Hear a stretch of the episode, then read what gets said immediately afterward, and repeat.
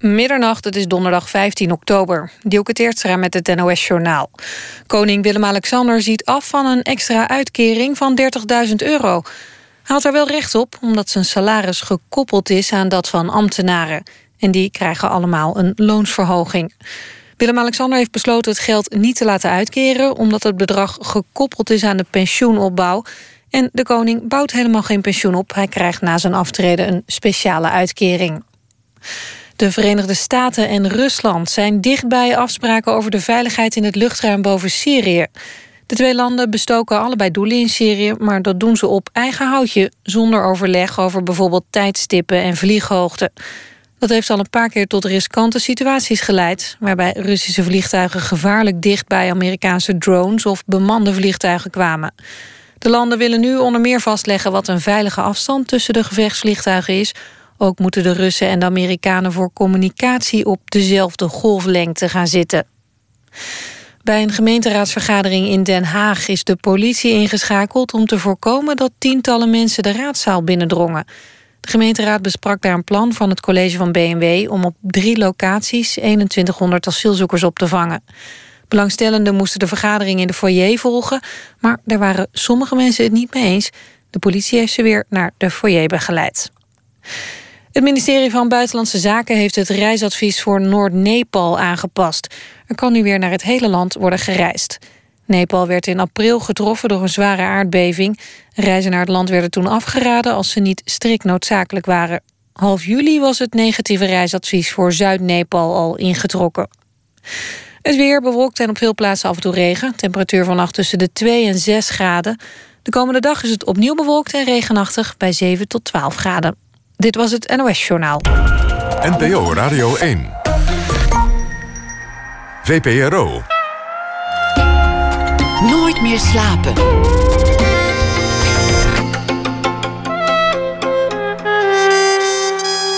Met Esther Naomi Perquin.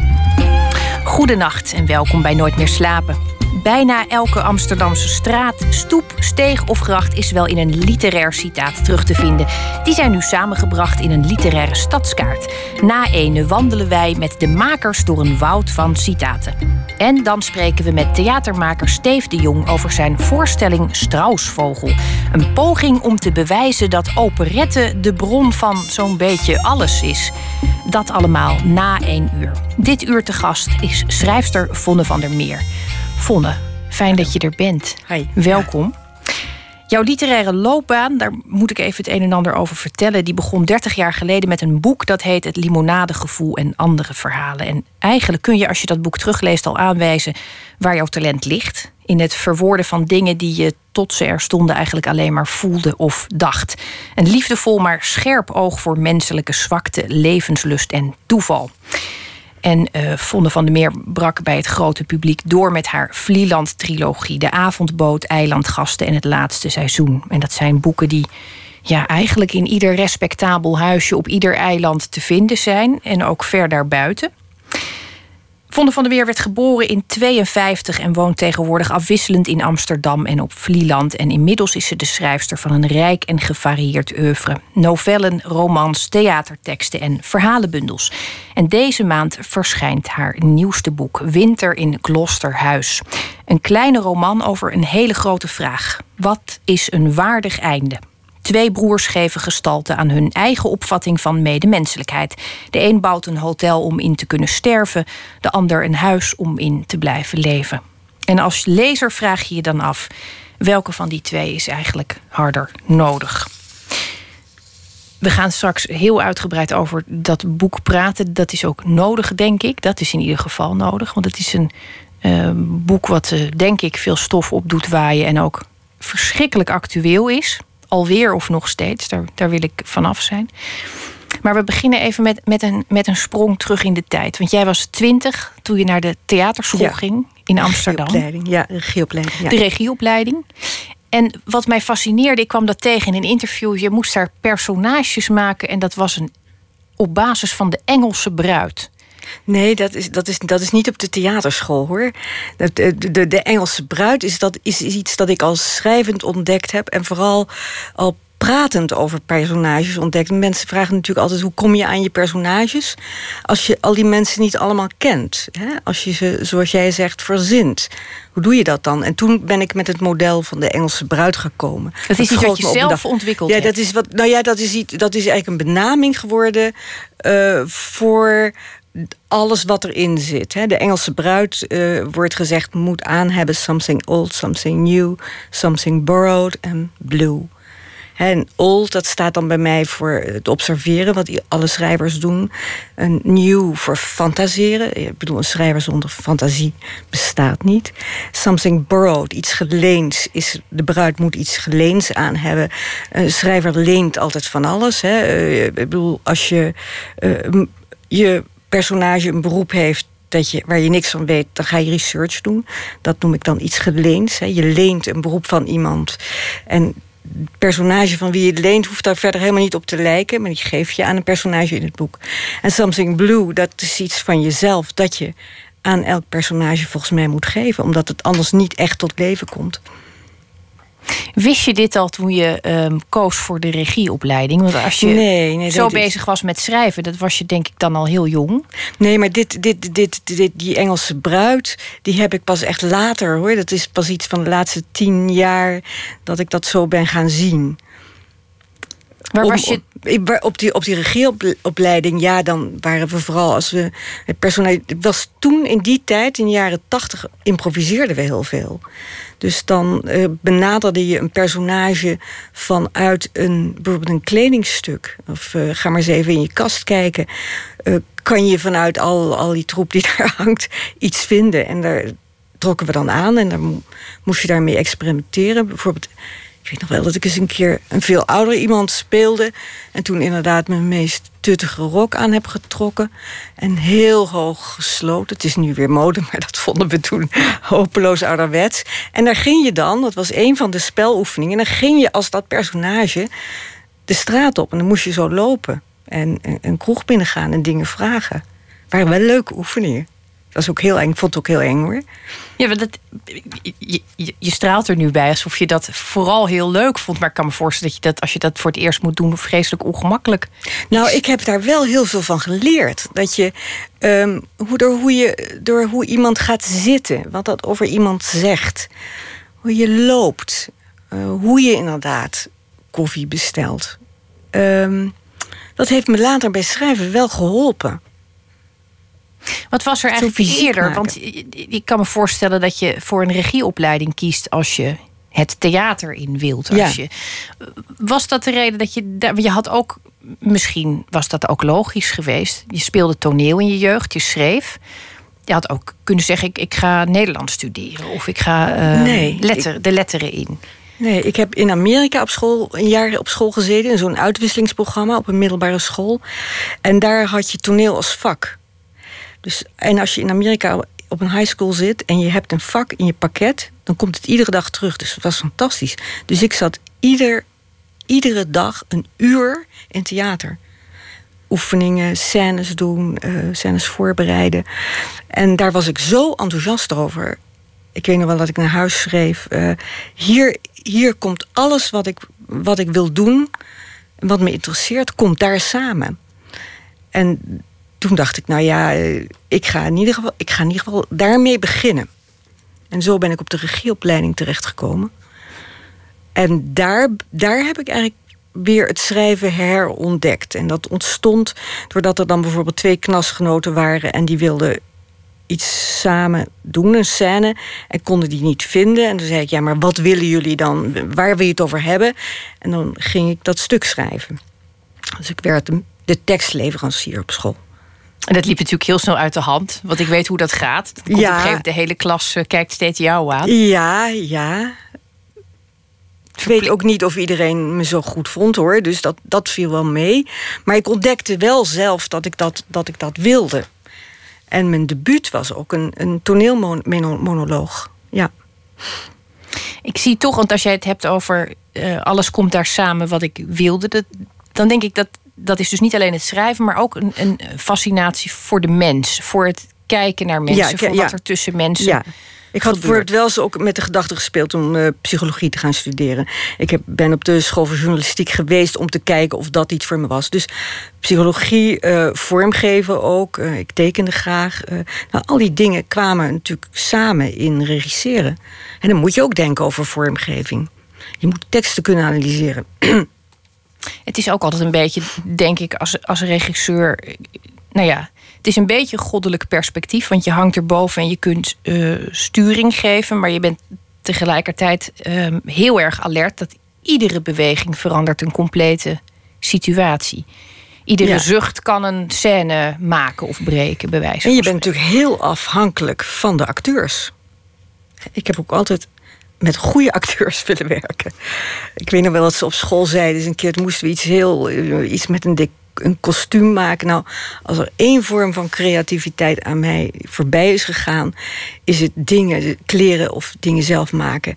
En die uh, kostuumlerares die verloor de geduld een beetje. Toen zei ze, ja, je bent ook zo onwillig, maar je moet wel bedenken, als je dan later met amateurs gaat werken, dan moet je ook gewoon hun kostuums maken. Of in ieder geval weten hoe het moet. Toen zei ik, maar ik ga niet met amateurs werken. En dat, dat wist ik zo zeker. Ik dacht, ik word liever de assistent van de assistent van de assistent van Ton Lutz dan dat ik met amateurs ga werken. Ik, ik wist dat ik dat niet zou kunnen. En ik wist dat, dat, ik, dat ik dat ook niet wilde. als ik een tekst van Ibsen lees of van Shakespeare, dan wil ik echt daar het best mogelijke acteurs voor.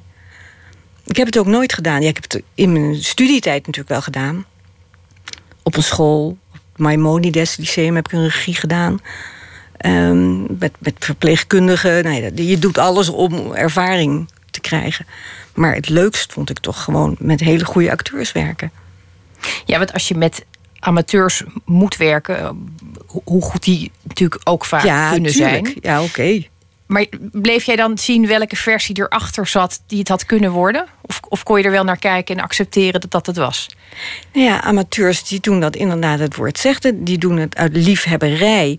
En als je dan een tekst hoort zeggen of een, een, hele moeilijke monoloog of scène gebeurt niet op die manier die je voor ogen hebt en zelfs niet een beetje, dan vind ik het heel moeilijk om te zeggen: ja, goh, nou, nee, fijn hoor. Om er dan zo juichend aan de kant te staan, omdat, omdat ze toch ook voor een plezier doen.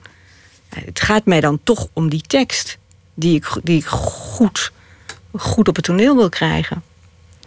Dat is de, de, liefde voor tekst en de liefde voor de mens uh, komen daar samen. En toch beland je dan min of meer per ongeluk, lijkt. Beland je in de eenzaamheid die het schrijverschap ook is. Het is een heel onhandig beroep voor iemand die van mensen houdt. Ja, nou ja, het, kwam, er kwam veel bij elkaar. Um, ik geloof dat ik toneel verlaten heb, het regisseren verlaten heb, op het moment dat wat ik interessant vond, ik, wil, ik was echt wel toe aan Ibsen regisseren, op dat moment niet, gebeur, niet gebeurde. Ik heb het een paar keer ergens ingediend, onder andere bij Toneelgroep Baal, waar ik toen al twee regies had gedaan daar was men toen niet geïnteresseerd in. Een paar jaar later wel, maar op dat moment niet. Toen dacht ik, ja, maar het gaat mij steeds zoveel moeite om de toneelstukken die ik interessant vind uh, gedaan te krijgen. Uh, wil ik dat nog wel? Plus de afhankelijkheid van acteurs. Ik heb één keer meegemaakt dat bij een hele mooie voorstelling. Ja, het, is, het is natuurlijk een verschrikkelijke uitzondering. En je hoeft niet te denken dat dat vaak gebeurt. Het gebeurt gelukkig ook niet zo vaak. Maar dat een, een acteur um, heel erg dronken was. Het gebeurt echt ook maar één keer op de miljoen keer hoor. Maar het overkwam mij in mijn laatste voorstelling uh, van die serie. En dat ik dacht: dit wil ik niet. Dat je iets moois maakt met zes mensen. En dat het zo kapot maakt dat de producent het toneel op moet lopen en de voorstelling afblaast. Toen dacht ik, ik dit, is niet het, dit is niet het enige wat ik ga doen. En ik dacht heel lang dat ik, dat ik die twee sporen vol kon houden. Maar dat was toch heel moeilijk, want dat weet jij ook als je aan het schrijven bent. Dan moeten ze je niet gaan, gaan zeggen van uh, kom eens in Arnhem praten over een regie. Ik, dan wil ik mijn huis ook helemaal niet meer uit. Het is een uh, vorm van vrijwillige opsluiting. Ja, ja. Dat, dat is blijkbaar ook nodig. En, en als je regisseert, moet je toch ook uh, vaak op theaterscholen gaan kijken. En, en, nieuwe lichtingen acteurs. En nou, dat, en ook überhaupt veel voorstellingen zien. En dat deed ik steeds minder. Maar ik ga nu nog wel naar toneel, maar nooit meer met het idee van dat had ik kunnen doen of willen doen. Maar gewoon omdat het stuk me interesseert of de, of de acteurs. Welke stukken interesseren je? Want je zei net, ik, ik wilde vaak stukken die, die op dat moment dan niet, uh, die ze niet zagen zitten of waar ze niet mee bezig waren. Wat, wat, wat waren de, de, de, de, de stukken waar jij door, door bevangen werd? Nou, een van, de, een van de stukken die ik toen wilde doen en niet, niet, niet van de grond kreeg, omdat de dramaturgen van de gezelschappen daar op dat moment niet in gezien was bijvoorbeeld steunpilaren van de maatschappij van Ibsen. En dat, als ik het goed de titel bij. Uh, het is het stuk over. Um, het is eigenlijk een, een, stuk over een, een milieuramp. Uh, twee kampen tegenover elkaar. Ook toch wel. Uh, ik zeg het is een discussiestuk, maar het is een ideeënstuk. Dat heb ik altijd interessant gevonden. Ik heb ook Plato's Symposium ooit geregisseerd. Dat is natuurlijk helemaal niet bedoeld als toneelstuk. Maar het was wel heel spannend om toneel te brengen. Dat is ook een gesprek. Ja, toch wel stukken waarin veel nagedacht wordt ook. En talig. Ja. Ja. Ik denk dat we het heel erg uh, over jouw boek moeten gaan hebben. Over je nieuwe boek, moet ik zeggen. Want je hebt uh, echt een heel oeuvre. Ik heb thuis een deel daarvan um, in de kast staan. En dat is echt al wel een fikse plank. Ik heb je man er hier en daar tussen gezet. Dat kan helemaal niet op alfabet eh, Willem-Jan Otten. Maar dat leek me gezelliger als jullie samen in de kast uh, stonden. We gaan het straks hebben over uh, Winter in Gloucesterhuis. Je nieuwe boek. En voor we dat gaan doen gaan we even luisteren naar een liedje van de Amerikaanse songwriter Ryan Adams. Die heeft een cover gemaakt van Taylor Swift's 1998. Dat is een van de meest succesvolle popplaten van de afgelopen jaren. En ja, deze cover, het lijkt een gimmick, maar het is eigenlijk allemaal pure ernst. Dit is de versie die Ryan Adams van Bad Blood maakte.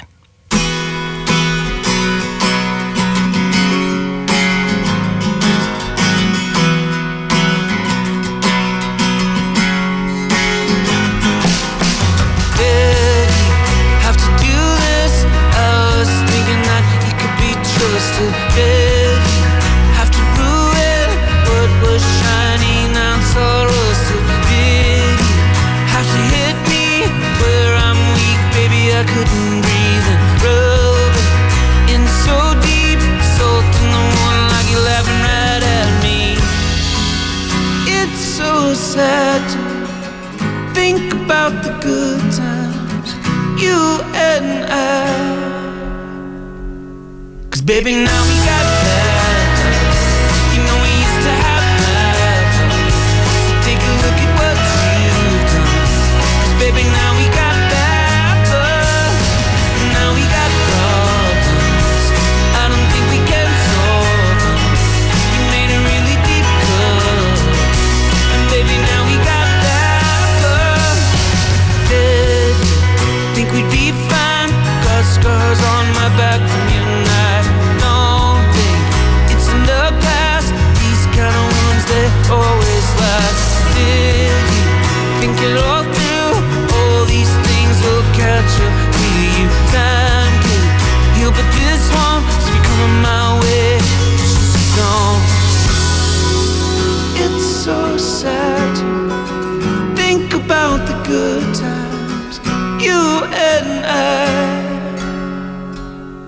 Baby, now we got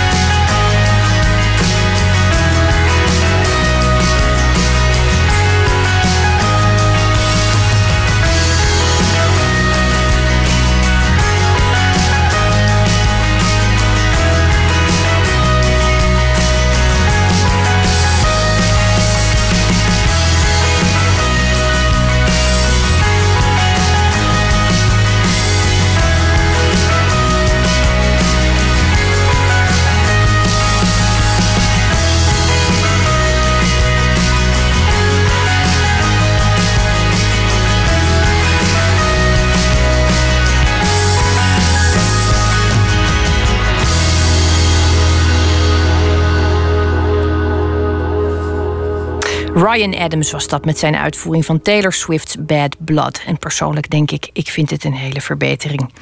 Tegenover mij zit schrijfster Vonne van der Meer, die te gast is vanwege haar nieuwe boek Winter in Gloucesterhuis. En misschien moeten we even bij die titel beginnen. Gloucester, wie of wat is dat? Gloucester is een uh, personage uit King Lear. Het is uh, een oude man het is eigenlijk het spiegelverhaal van King Lear. Koning Lear is de man met de drie dochters... die zijn rijk gaat verdelen over de dochters. En dat kan alleen, daar begint het stuk meteen... vertel me hoeveel je van me houdt. En twee kunnen dat als de beste. En de derde, die zegt dan de legendarische woorden... nee, ik kan dat niet. Ik kan mijn hart niet ophijsen naar mijn mond. Nou, tot, tot zover dat gedeelte van het stuk. Dat is eigenlijk een, een, een, een spiegelbeeldige situatie. En dat is Gloucester, en die heeft twee zonen. Edgar en de andere, waar ik even de naam van kwijt ben. Maar het gaat om Edgar. Um, ik ga het niet het hele verhaal naar vertellen. Maar Gloucester is op een gegeven moment zo wanhopig over de situatie die, die ontstaan is. Hij heeft zijn lieve, liefste zoon Edgar verbannen, omdat er een gerucht over hem is dat hij de vader wilde ombrengen dat heeft de andere zoon verspreid, dat hij zelfmoord wil plegen. Gloucester wordt tot wanhoop gedreven en loopt naar de, uh, de Cliffs of Dover, hè, de witte, prachtige krijtrotsen van Dover, en wil erin springen. Maar hij is blind, dus hij klampt een zwerver aan. En dan begint de grote dramatische ironie. Het publiek ziet dat die zwerver, dat dat zijn zoon is. Dat dat zijn verbannen zoon is. En uitgerekend aan die verbannen zoon vraagt hij: Help me, man, breng me naar de afgrond. En die jongen die herkent natuurlijk ook in deze blinde kloster zijn vader. Dus die doet dan alsof hij hem naar de afgrond leidt. En laat hem dan los en zegt: Ja, je bent er, spring dan maar. En dan wat je dan krijgt is eigenlijk een struikeling. Hij springt, maar hij valt niet harder dan alsof hij over een stoeptegel struikelt. En dan gaat de zoon nog een stapje verder met het spel. Hij gaat doen alsof Gloucester van grote, grote hoogte naar beneden is gevallen. En gaat dan beschrijven wat hij allemaal ziet. Hè? Hoe hoog de leeuwrikken in de lucht zijn. Nou ja, prachtig van die Shakespeare-taal. En zegt dan, nou, het is wel een wonder dat jij, uh, dat jij nog kan praten. En, en dan zegt Gloucester uiteindelijk van, nou ja, als ik uh, dit overleefd heb... Uh, dan zal ik wachten tot de ellende zelf zegt. Nee, ik, moet het even precies zeggen natuurlijk, maar dat kan ik nu even niet citeren. Maar hij legt zich erbij neer dat hij het overleefd heeft. En, hij legt zich neer bij het feit dat hij dus zal blijven ja, leven. dus hij denkt dan, hij zegt niet van, uh, ik ben niet dood, ik ga het nog een keer proberen. En dan leidt de zwerver hem verder. En nou ja, goed, dan ontwikkelt zich nog van alles. Maar hij blijft dus in leven. En hij verzoent zich met zijn lot. Met hoe het gegaan is. Hij komt in de titel van je boek voor, omdat deze situatie eigenlijk ook in het boek zit. Er zijn twee zoons, die krijgen een eh, riante, royale, gigantische erfenis. Doe daar iets goeds mee, heeft hun vader erbij gezegd. En allebei de zoons vatten dat anders op. Ja. De een begint ik noemde het al even in de inleiding toen je net uh, aanschoof. De een begint een hotel waar je in alle rust kunt sterven. Ja. En de andere begint eigenlijk als om daar tegenwicht aan te bieden. Ja, een huis waar je kunt blijven leven. Waar je, waar je op adem kunt komen. Waar je je misschien kunt bedenken ook. Ja, waar je... ja, waar je de ruimte en tijd krijgt. En de, waar ze omstandigheden scheppen, toch eigenlijk om je, om je erbij te houden. Bij het leven te houden. Er is in het boek ook um, een heel belangrijk personage. Een, een, dame die eigenlijk naar het hotel komt omdat ze dood wil. Ja. Of denkt dat ze dood wil. En uiteindelijk aan de andere kant belandt, in het andere huis. Ja. Kun je beschrijven hoe dat nou, ik, ik, ga dat niet, ik ga niet de hele plot navertellen, maar ik kan wel zeggen dat er een, een parallel is met, met, met hoe Gloucesters zelfmoord gesaboteerd wordt haar zelfmoord wordt gesaboteerd door een van de broers, door Arthur. En die brengt haar naar Gloucesterhuis. Dus zij ontwaakt in Gloucesterhuis, denkende wat, ja, wat is er nu? in dat hele proces, dat ze zich het moment van, van zelfmoord herinnert. En hoe het gegaan is en wat er tegen haar gezegd is. Want ze is er dus bij geholpen, dat kan in dat hotel. Dat is de uitgangspositie. En hoe ze dan wakker wordt en daaraan terugdenkt. En zich herinnerde dat ze aan de ene kant het allemaal wel heel graag zelf wilde beslissen en in de hand houden. Maar op het moment dat het gebeurde, dacht ik wil het niet, maar het niet meer ongedaan kon maken. Door de machinerie die in werking was gezet. En dan ontwaakt ze en maar ze denkt natuurlijk dat ze dood is. Dus ze denkt, waar ben ik? Dan, nou, dat is natuurlijk heel erg fijn om dat te beschrijven. Dat hoef ik jou niet te vertellen. Uh, wat ziet iemand dan allemaal? En hoe, hoe reageert ze op haar eigen lichaam? En op, uh, ze denkt dat ze ziet van heel dichtbij een wolk. En zei ook, ik ben nu echt bij de wolken, in de wolken, te midden van wolken. En dan denkt ze, of ja, is het toch een laken dan misschien? Maar als er een laken is, ja, waar ben ik dan? Het is een oudere dame die dit, um, ja. die dit overkomt. Dat, is, dat hoort ook in de, in de, in de wet. Die wordt, die wordt zijdelings uh, genoemd. Klaar met leven. Ja, ik moet even misschien iets meer vertellen. Ik ben uitgegaan van toekomst. Tien jaar, bijvoorbeeld tien jaar van nu als er zoiets als een klaar met leven wet zou zijn aangenomen, waardoor het mogelijk was als je uh, levensmoe was, of hoe je het ook noemen wil, voltooid leven, afgerond leven, klaar met leven wordt het dan hier genoemd, uh, het mogelijk is om daar hulp bij te krijgen om je leven te beëindigen. Ja, dat is, dat is het uitgangspunt. Dat is dus nu nog niet aan de hand, maar in mijn boek is het, zijn tien jaar later en kan dat? Nou, ik dacht wel, um, want ik registreerde wel dat het in de toekomst speelde, maar het, tegelijkertijd vond ik het een toekomstvisioen dat eigenlijk zo nabij is dat je de omtrekken al bijna kunt zien. Ja, ja, ja. Wat het ook, uh, dat, dat, dat noemde ik net al even, dat maakt het merkwaardig actueel en um, tegelijkertijd heft het ook je tijdsbeeld op. Want het, ja. als die wet er eenmaal is en die, die zou er zomaar kunnen komen, dat, dat is eigenlijk om de hoek denk ik wel, dan krijg je ook, um, nou ja, alle gesprekken en dilemma's die eigenlijk ook in dit boek worden ja. aangetipt. Ja.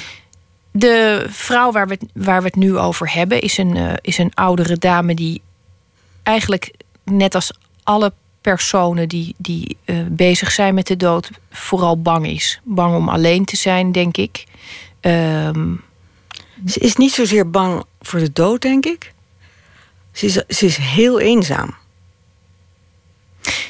En dat, dat, drijft, dat drijft haar naar het hotel. Dat kun je wel stellen, ja. Eenzaamheid drijft haar naar het vaarwelhotel. En dan wordt ze op mysterieuze wijze uit dat vaarwelhotel naar een plek gebracht. Ja. naar een plek gebracht waar ze, uh, waar ze ontwaakt in, in verwarring.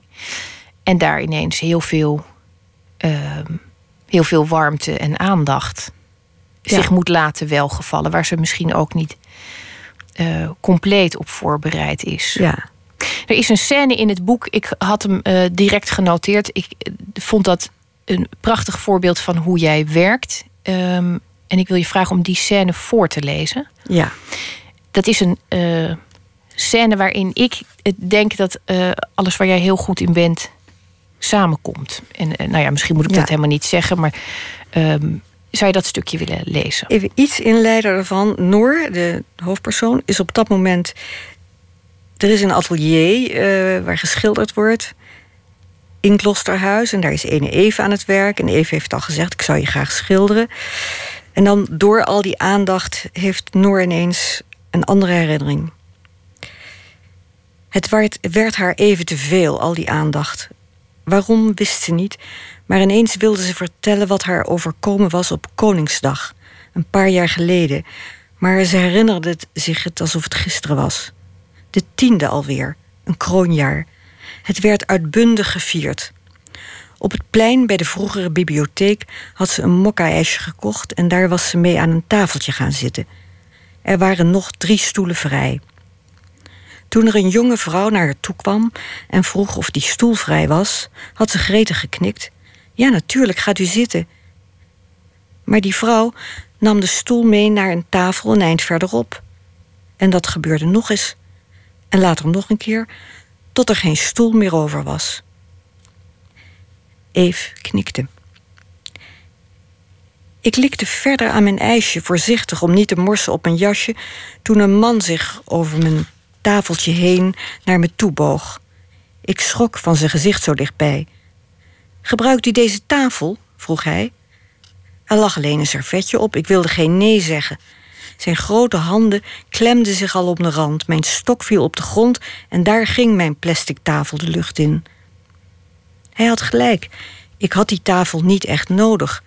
Maar alleen op een stoel aan een tafel voelde toch heel anders dan alleen op een stoel zonder tafel.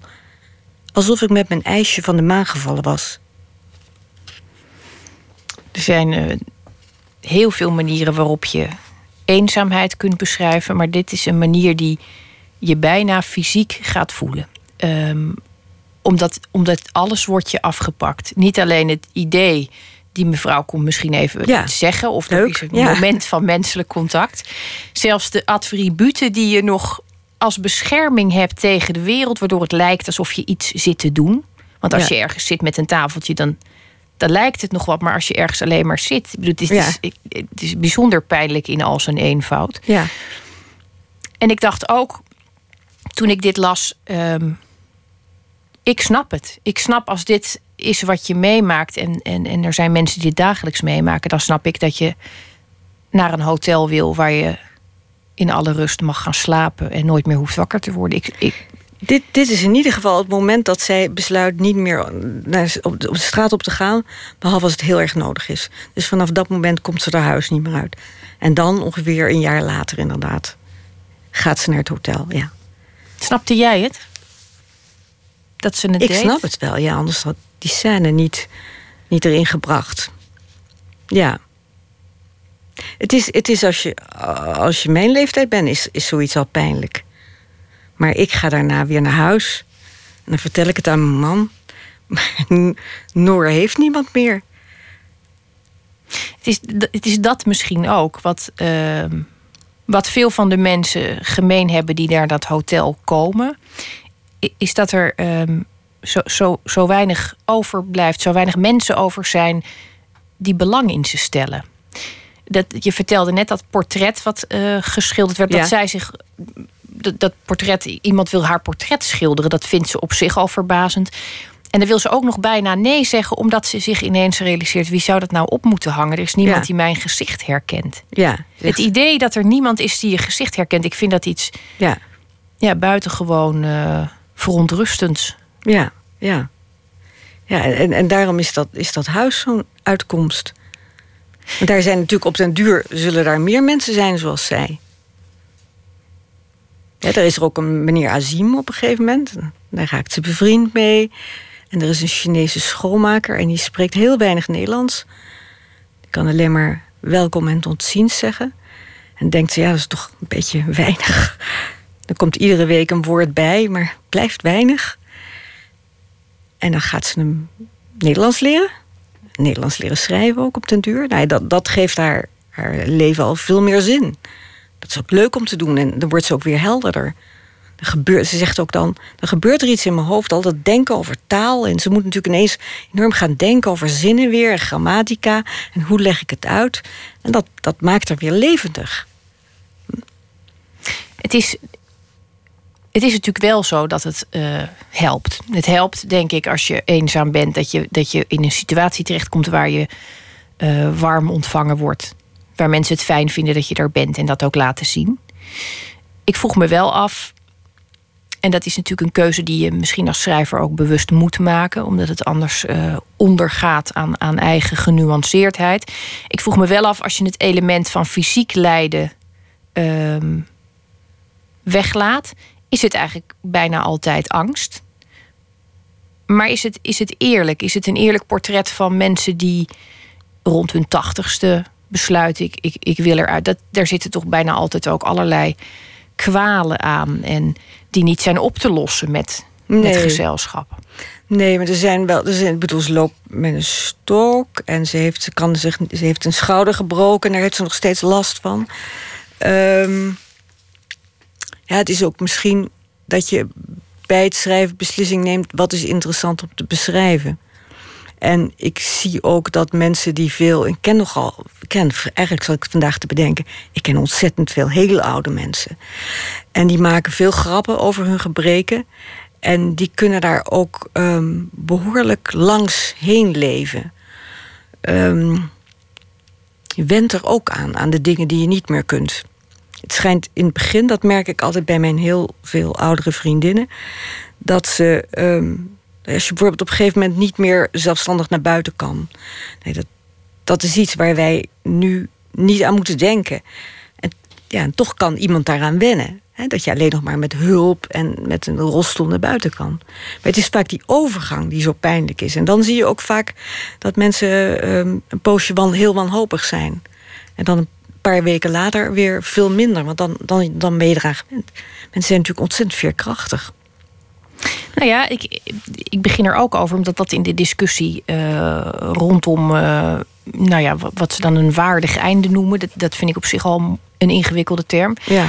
Dan gaat het heel vaak over wat is, wat is ondraaglijk. Iedereen heeft wel eens een dag uh, dat hij het niet meer ziet zitten. Als die dag een week wordt, als het een maand wordt, als het een jaar. Wanneer is het ondraaglijk? Wanneer is die veerkracht afgelopen? En dat um, is in dit boek, merk ik. Nou ja, die, die momenten zijn er dus. Er zijn momenten van kanteling. Terug ja. naar de, de, de, de eenzaamheid, uh, de, de, de, angst. Of opnieuw een doel vinden, gezelschap vinden. Ja. Als je nou. Want je, nou ja, je, je bent op een leeftijd en je zegt net zelf ook: ik heb vriendinnen die nu echt oud worden. Ja. Dat is iets waar je zelf ongetwijfeld ook over na hebt gedacht. Over wanneer die veerkracht dan stopt. Ik zie bij die heel oude mensen die ik ken, die veerkracht nog niet. Die, die is wel eens even weg, maar die is er nog steeds. Kun je je voorstellen dat, het, dat, dat iemand tegen je. Dat, dat, dat er een moment komt dat mensen zeggen: nu is het echt klaar? Uh, dat, dat, ik dat zelf nee, zeg, dat, of dat, dat, iemand dat tegen me ja, zegt? Mensen die je kent. Als het zo dichtbij komt, dat mensen in je omgeving zeggen: Ik wil niet meer. Um, ik, vind dat altijd, ik vind dat altijd een groot verschil met een theoretische discussie. Als het ineens mensen zijn van vlees en bloed. Ja, nee, maar ik, die ken ik ook wel. Maar wat ik vaak heb meegemaakt, bijvoorbeeld als iemand. Uh, ook, ook oudere mensen kunnen heel lang uh, somber zijn en depressief. Bijvoorbeeld als ze in de rouw zijn. Of uh, door andere omstandigheden. Of iets met de kinderen. Of door het zelfs het ergste natuurlijk het verlies van een kind. Maar ze kunnen daar ook over, over een depressie, bijvoorbeeld over, of over een rouw, daar weer doorheen groeien. En dat heb ik ook gezien. Dat iemand uh, moest revalideren. En omdat ze twee heupen en twee knieën, ik zei bijna drie knieën, maar tegelijk uh, vernieuwd en alles was allemaal. Je kon het bijna niet bedenken, zo ingewikkeld het was. In dat revalidatiehuis opleefde. Dat ze ineens met andere mensen in aanraking kwamen, in, met een heel uit milieu waar ze zelf niet uitkwam. Er werd iets van ze gevraagd, van haar gevraagd wat ze heel lang niet had hoeven opbrengen. En daar eigenlijk opkikkerde als zo'n huis nou bestond. En dan bedoel ik vooral het huis waarin je kunt blijven leven. Want het lijkt mij, um, en dat is ook het mooie. Het, het, het, lijkt soms een tegenstelling. Dat ene huis kun je rustig sterven en dat andere kun je rustig leven. En toch is die tegenstelling niet zo groot als je zou denken. Het is um, leven met, het, met, met, de, met de wetenschap dat je mag stoppen als je niet meer wil. En dat geeft soms al zoveel rust dat mensen verder gaan. Um, maar wat ik eigenlijk eh, wilde weten, als je in dat huis zit waar je verder mag leven, dan. Um, ik dacht, ja, dat zou een oplossing zijn. Als iedereen in een prettig huis wordt gezet waar die ontzettend op zijn plaats is en welkom is en dat ook mag voelen. Ik denk dat, dat je dan niet meer zo nodig hoeft uit te stappen. Nee. Maar het is, het is ook natuurlijk een volstrekt onhaalbare kaart. Dat weet ik niet of dat zo onhaal, onhaalbaar is. Um, vroeger had je vers verzorgingstehuizen, bejaardentehuizen. Um, die worden nu allemaal gesloten. En misschien waren de bejaardentehuizen ook niet ideaal. Mensen gingen al vrij jong in. Hè? Ik geloof al op hun 5, 67ste heb ik dat nog wel meegemaakt... dat mensen daar al heen gingen. Maar nu zijn ze, moet je een hele, hele, alleen met een hele zware indicatie kom je in een verpleeghuis terecht. Er zijn bijna geen verzorgingstehuizen meer. Um, je kunt je afvragen of dat goed is. Want een heleboel mensen kunnen het toch uiteindelijk niet alleen. Je kunt wel zeggen van je moet het zo lang mogelijk alleen doen. Maar voor sommige mensen is dat inderdaad misschien helemaal niet goed. Maar uh, we zitten natuurlijk wel met een tijd waarin uh, over de zorg wordt gepraat. Alsof het over. Uh, nou, wat zullen we ervan maken? Alsof het over management gaat of over, of over zakgeldverhoging. Of over. Het gaat, het gaat dan om cijfers en, en koude dingen. Het gaat niet om een warme hand en iemand die zegt: zal ik jou eens portretteren? Ja, ja ik denk toch wel dat er. Dat er ja, kijk, ik ben, ik ben niet een, een, uh, een maatschappelijk werker of een politicus die niets anders doet dan uh, over leefvormen nadenken die het best zijn voor ouderen. Ik heb in mijn boek heb ik zo'n huis gebouwd. Dat kan ik. Daar ben ik misschien heel goed in. Maar of ik dat in het echte leven kan. Ik zie wel huizen. Um, er is bijvoorbeeld een verpleegtehuis in Weesp waar heel veel vrijwilligers ben de naam even kwijt, waar heel veel vrijwilligers bij betrokken zijn. Waar het goed toeven is, hoor ik van iedereen die daar geweest is en die daar uh, vrijwilligerswerk doet. Uh, er is veel mogelijk als je dat wil. Nou ja, als we het op gaan geven, als we op, op gaan geven.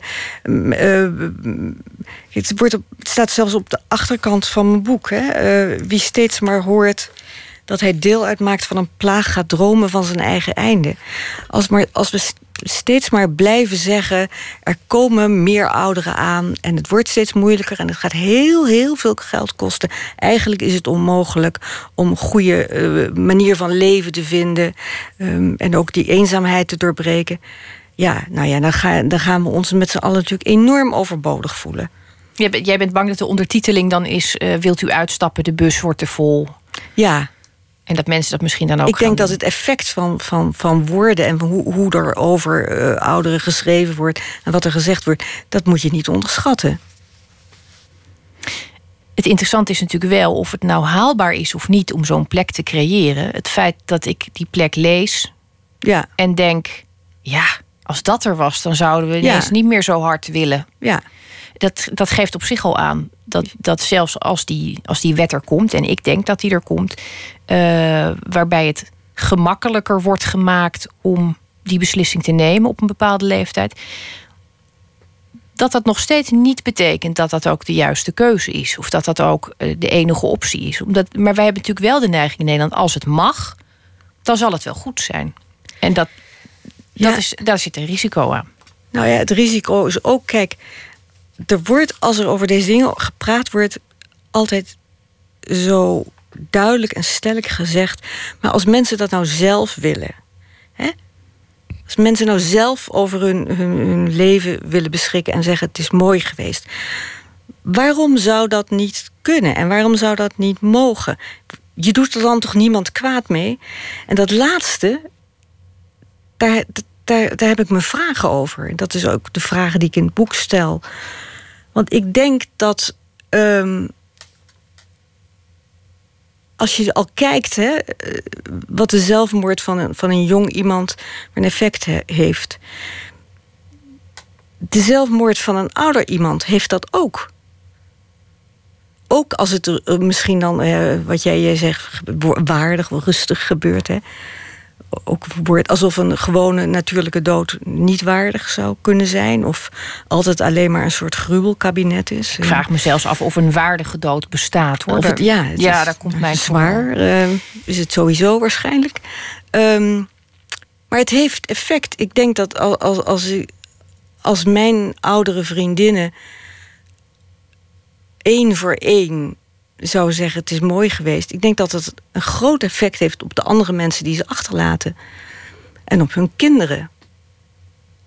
Heb je het dan niet goed gedaan uh, als kind? Uh, het, het, gaat op een bepaalde manier. Tot wat je, wat je bij een zelfmoord van een jongere ook hebt. Had ik het kunnen voorkomen? Nou Waarom ja, zou je dat bij een oudere niet denken? Ik, ik, bij, ik, ik vind toch het onderscheid tussen zelfmoord en euthanasie nog wel heel essentieel in deze. Omdat je bij een zelfmoord, dat kan in een split second gebeurd zijn. Dat kan, een, dat kan dus echt een moeilijke dag zijn gedreven. geweest. Ja, gedreven. Ja. En bij euthanasie heb je, omdat je, nou ja, dan heb je het over een langere periode. Dan heb je het over bedenktijd. Dat komt ook in je boek terug. Een maand bedenktijd wordt er ingevoerd bij die wet. Ja. Ehm, het zou zomaar, het zou- dat zou zomaar het scenario kunnen worden. ja. Ik vind die bedenktijd wel heel essentieel. En ik ben natuurlijk, ik ben er ook voor dat mensen mogen zeggen: eh, ik ben er klaar mee. Dat, ik, ik, ik ben een groot voorstander van zelfbeschikking in dat opzicht. Maar ik ben niet ongevoelig voor wat je zegt. Als jij zegt, het, is, het kan natuurlijk aanstekelijk Nou ja, het zou kunnen een- zijn dat het het stilzwijgend antwoord wordt op een heleboel problemen. Als, eh, ehm, als ik weet dat het kan en dat al velen voor mij het gedaan hebben en dat het een, over het algemeen een daad is die op veel respect kan rekenen en dat het een moedig besluit wordt genoemd. Ehm, als ik dan op een gegeven moment stel, diep in de negentig, en ik klaag tegen mijn zonen over iets. Ze zullen niet zeggen, nou ja, mam, kan toch? Maar je, het zal het stilzwijgende antwoord zijn op een heleboel klachten en op een heleboel problemen. Op armoede, op eh, kwalen, op eh, huisvestingsproblemen. Ehm, het wordt ook eh, is een gesprek tussen twee broers op een gegeven moment. Zegt eh, Arthur de jongste voert dat aan. En dan zegt de oudste: Oh, je bedoelt, it's the economy, stupid. Dan zegt hij: Ja, ook, ja. Ik ben zo. Ik, ik zeg niet dat het zo is. Ik hoop dat het nooit zo zal zijn. Maar ik sluit niet uit dat het als oplossing gezien gaat worden. Of dat het dat vanzelf wordt. Ik denk dat het hele eh, terechte vragen opwerpt. En je geeft uiteindelijk, nou ja, het, het boek geeft geen, geen antwoord, kan dat ook helemaal Nee, niet, denk ik. dat- Dat, moet ook helemaal wil- niemand willen. meer, ja, ik geprobeerd een meerstemmig boek te schrijven. Hè, met, met, met als belangrijkste personage de vrouw die dat allemaal meemaakt. En beetje bij beetje heel voorzichtig er eh, levenskracht weer terug voelt komen. En er interesse in mensen. Maar ik, ja, ik denk dat een heleboel mensen ook die oudste broer, Richard, directeur van het hotel, eh, heel goed begrijpen. Ja, er is geen, eh, dat, dat, eh, dat kan ik beamen, er is geen kwade genius, vind ik. Ik vond ze allebei goed te volgen. En dat maakt het ook. ehm, dat maakt ook dat je als lezer achterblijft met een, heleboel, eh, ehm, een heleboel vragen en een heleboel twijfels aan wat je daarvoor al wist. Dat, eh, daar had ik tenminste last van. Want ik, ik ging me ook ineens afvragen hoe dat eigenlijk zat. Met die eh, suggestie: eh, jongens, de bus is vol. Willen jullie uitstappen? Dat is best een griezelig idee. En nu gaat het nog over 80-plussers. Maar stel dat die wet er inderdaad komt. En Ja. dat we 50 jaar verder denken. Nou, de aarde wordt toch wel heel vol. Misschien moeten we de leeftijd wat gaan verlagen. En die mensen ook vast aangeven dat ze weg moeten. Ehm, een onderwerp wat ik ook niet kan laten liggen in deze context, denk ik. En ik las ooit in een interview hoe dat gegaan is. Jij bent niet gelovig opgevoed. Nee, Je komt uit een keurig nest, las ik ergens. Vind ik altijd heel gezellig. Een keurig nest. heb ik dat gezegd? Ja. Ja, een keurig nest. En toch ben je eh, tot geloof gekomen op latere leeftijd. En wat ik heel mooi vind in het interview is dat je zei dat je, je, je bleek te bidden, maar je wist eigenlijk niet dat je dat deed. Of je wist eigenlijk niet hoe dat moest. Niemand had het je Nee, ik heb dat nooit geleerd. geleerd. In welke ehm, omstandigheden deed je dat dan? Hoe, hoe kwam dat in je op? Ik denk, eh, dat- is natuurlijk nooit één, één moment. Of althans, bij mij was het niet één moment. Als ik het me goed herinner, was het in een periode dat mijn vader een hersenbloeding had gehad. Dat ik dacht, ja, moet ik hem helpen? Ik, ik ben langs geweest vandaag, maar kon niet zoveel doen. En dat ik aan hem wilde denken, maar op een, op een krachtiger manier, zal ik maar zeggen. En doordat er iemand bij ons in huis was die aan een hele zware depressie leed, Die had gevraagd of ze bij ons in huis kon komen om, om ergens te zijn, om in een gezin te zijn.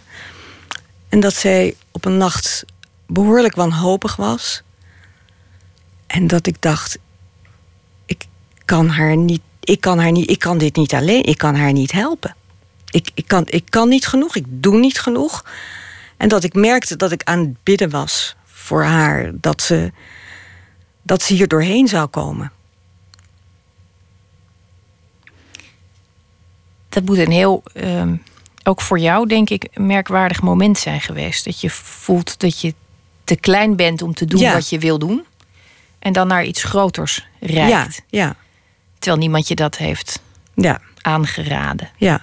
Heeft het lang geduurd voordat je dat voor jezelf ook. eh, het het klinkt bijna alsof je ontdekt dat je op vrouwen valt. En dat je dan jaren daar aan het vechten Coming bent. out. Ja, nou, in Ja. zekere zin is dat het natuurlijk wel. Want ik kan me voorstellen, je zit in een uh, notabene uh, in, een, in een heel kunstzinnig klimaat. Is toch ook niet een, een, een typische omgeving waarin je tot geloof komt. Je bent bovendien al wat ouder.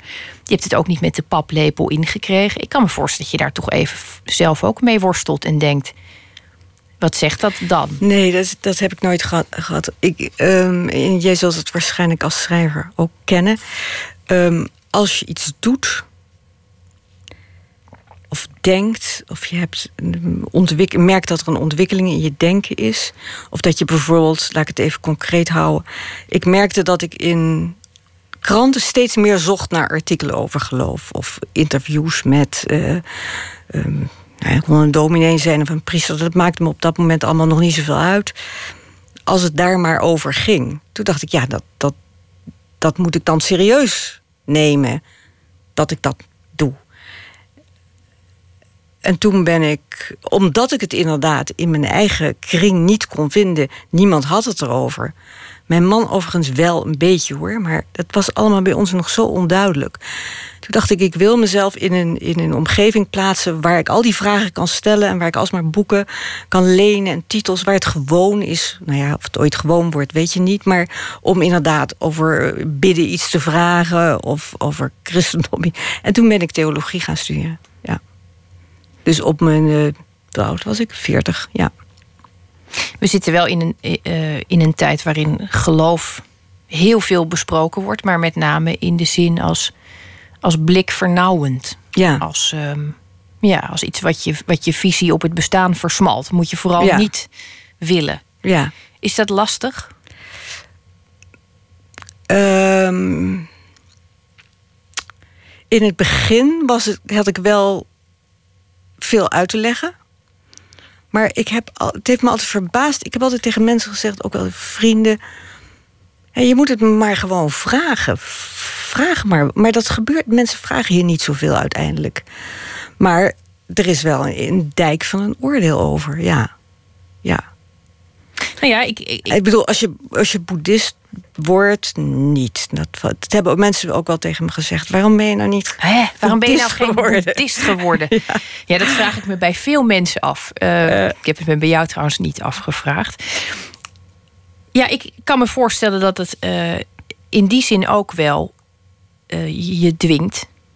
Om, om, om heel goed na te denken over waarom je die keuze maakt. Want als iedereen daarin meegaat en het volkomen... Dan, juist omdat iedereen daar de hele tijd vragen over heeft... of oordelen ja. over heeft... word je ook gedwongen zelf na te denken. Ja. Dus het is een hele... Ja. Um, het is eigenlijk een heel bijzonder proces... als je dat op latere leeftijd uit jezelf gaat doen. Ja, ja. en ik, ik zit natuurlijk ook niet met de ballast. Uh, ik heb daar ook wel heel veel begrip voor. Hoor. Want ik ken heel veel vrienden van mij zijn... Uh, ofwel gereformeerd opgevoed, ofwel uh, katholiek. Ze zijn vrijwel allemaal van hun geloof gevallen, zoals ze dat noemen. En als ik hun verhalen hoor, denk ik ook vaak... nou, dat, dat zou mij waarschijnlijk ook overkomen zijn. Mijn eigen moeder was een van het geloof gevallen katholiek. Dus ik ben met die verhalen opgevoed. Het is niet zo dat ik daar mijn kop voor in zand steek... en denk, oh, nou, het is allemaal altijd geweldig geweest... en dat is het, en dat zal het altijd blijven. Die kerk heeft, heeft, maakte ook een ontwikkeling door... die hopelijk nooit ophoudt. Um, maar mensen zeggen ook wel eens, en dat is misschien ook wel ja, jij hebt mooi makkelijk, jij hebt er zelf voor kunnen kiezen. En dat is heel anders dan dat je ermee uh, opgezadeld bent. Dat denk ik ook. Ik noem dat altijd thuis het uh, paplepelgeloof. Ja. Ik vind dat ook echt iets anders. Ik vind als je van jongs af aan te horen krijgt hoe het zit, dan, ja. dan, neem je dat aan en dan wordt het een heel groot deel van je identiteit en je zekerheid. En dan is het heel moeilijk om dat nog los te laten.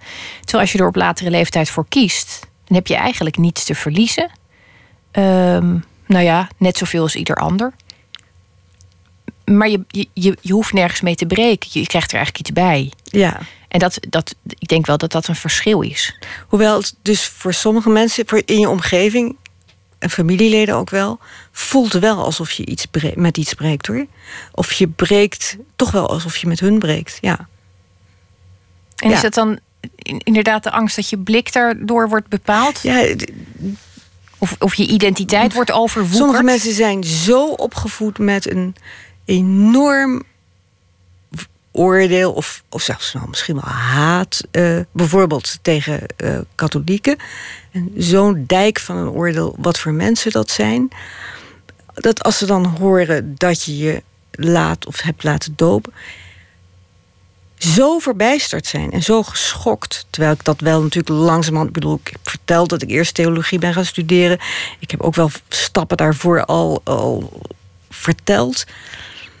Uh, ik zei eens een keer tegen iemand: Je reageert alsof ik je net heb verteld dat ik een Australiër heb leren kennen en dat ik morgen met de kinderen wegga en mijn man en Nederland in de steek laat. Zo, zo geschokt reageer je. Ik blijf hier hoor. Ik blijf in dit huis wonen. Ik blijf de moeder van mijn kinderen uh, en met mijn man getrouwd. Dus uh, rustig maar. Ja, ja, misschien zijn ze dan toch bang dat je ineens uh, wijwater bij de stroopwafels gaat serveren. Of, uh, ja, oh ja, of je kinderen gaat indoctrineren. Ja. ja, ik denk dat, nou ja, dat is natuurlijk de angst waar ik het net al over had. Als het dan gaat over blikvernauwing, is dat wat je vaak hoort. Ja. Uh, die willen iedereen overtuigen en, en helpen. Is het iets wat, wat in je schrijverschap een rol speelt. Eh, ja, natuurlijk speelt het een rol in je schrijverschap, want het hoort bij jou en, en uh, jij bent schrijver. Is het iets wat je, wat je zelf terugziet in je, in je werk? Wat, wat, wat betekenis heeft gekregen in je werk, terwijl het er vroeger misschien anders uitzag? Nou ja, het, het is natuurlijk zo dat alle ervaringen die, die verwarrend zijn of verrijkend zijn, probeer je op een gegeven moment in een verhaal te verwoorden. Dus zo, zo, zo komt, is bidden ook wel in mijn werk terechtgekomen. En uh, iets wat ik natuurlijk nooit zelf meegemaakt kan hebben, maar in het boek Zondagavond speelt het laatste sacrament een heel grote rol. Hè? Het sacrament dat een stervende uh, toegediend krijgt. Um, maar omdat ik ook zo'n groot deel van mijn leven zonder geloof geleefd heb, kan ik ook, heel, ja, kan ik ook personages beschrijven die, die daar heel wel zonder kunnen. En het is dus niet zo dat ik bij ieder boek denk: nou, waar zal ik het nou eens uh, een plek geven? Ik weet altijd vrij snel of het kan in een boek of niet. In mijn vorige boek speelde het een grote rol. In dit boek veel minder. Maar het, ja, het speelt mee. Zoals het, speelt, het klinkt mee, maar het speelt geen grote rol, nee. Vonde van der Meer, dank je wel dat je er was. En Winter in, uh, in Gloucesterhuis heet het boek. Wij gaan na het nieuws uh, nog een uur door. Dan leest Jolanda Entius een verhaal. En uh, gaan we het hebben over popiconen. Dat allemaal na het nieuws van 1 uur.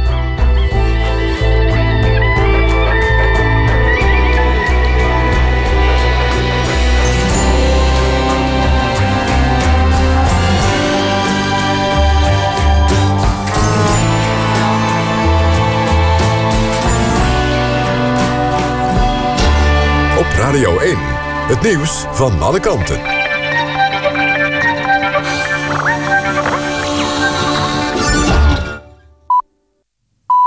1 uur, Dielke Teertstra met het NOS-journaal. De agent die vorige maand werd opgepakt omdat hij informatie zou hebben verkocht aan criminelen, kreeg bij zijn sollicitatie een negatief advies van de inlichtingendienst AIVD. De politie negeerde dat en nam de man toch aan, schrijft NRC Handelsblad. Volgens de krant kwam de IVD in 2009 tot een negatief oordeel na onderzoek van zijn leefomgeving en zijn persoonlijke financiële situatie. De afgelopen dag meldde RTL Nieuws al dat de politiemol opviel door zijn luxueuze levensstijl. De politie onderzoekt nu waarom er niets met het IVD-advies gedaan is. Premier Rutte verdedigt de inkomensverhoging van koning Willem-Alexander, koningin Maxima en prinses Beatrix. In de Tweede Kamer zei hij dat er in het parlement afspraken over zijn gemaakt en dat die niet zomaar moeten worden teruggedraaid. Rutte noemt het ook rechtvaardig dat de Oranjes geen inkomstenbelasting betalen en dat koning Willem-Alexander bovendien is vrijgesteld van erfbelasting. Volgens de premier is het belangrijk dat de leden van het Koninklijk Huis financieel onafhankelijk zijn. De Verenigde Staten en Rusland zijn dicht bij afspraken over de veiligheid in het luchtruim boven Syrië. De twee landen bestoken allebei doelen in Syrië, maar dat doen ze op eigen houtje, zonder overleg over bijvoorbeeld tijdstippen en vlieghoogte. Dat heeft al een paar keer tot riskante situaties geleid. De landen willen nu onder meer vastleggen wat een veilige afstand tussen de gevechtsvliegtuigen is. Ook moeten de Russen en de Amerikanen voor communicatie op dezelfde golflengte gaan zitten. Het weer. Op de meeste plaatsen is het droog en de temperatuur daalt naar 2 tot 6 graden. De komende ochtend begint bewolkt en smiddags gaat het regenen. De temperatuur ligt tussen de 5 en 13 graden. En pas in het weekend wordt het droger. Dit was het NOS Journaal. NPO Radio 1. VPRO. Nooit meer slapen.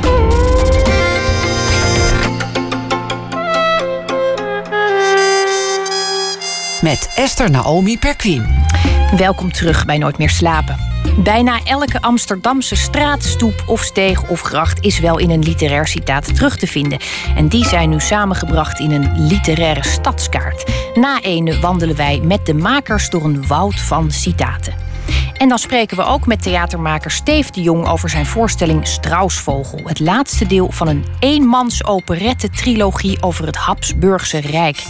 Maar we beginnen dit uur met een schrijver of dichter die reflecteert op het nieuws van vandaag. En deze week doen we dat met actrice en schrijfster Jolanda Entius. Jolanda, goedenacht. Goedenacht Esther, daar ben ik weer. Ja, gisteren hadden we het al even over het, uh, het wereldbeeld en, en hoe dat ja. uh, per krant kan verschillen.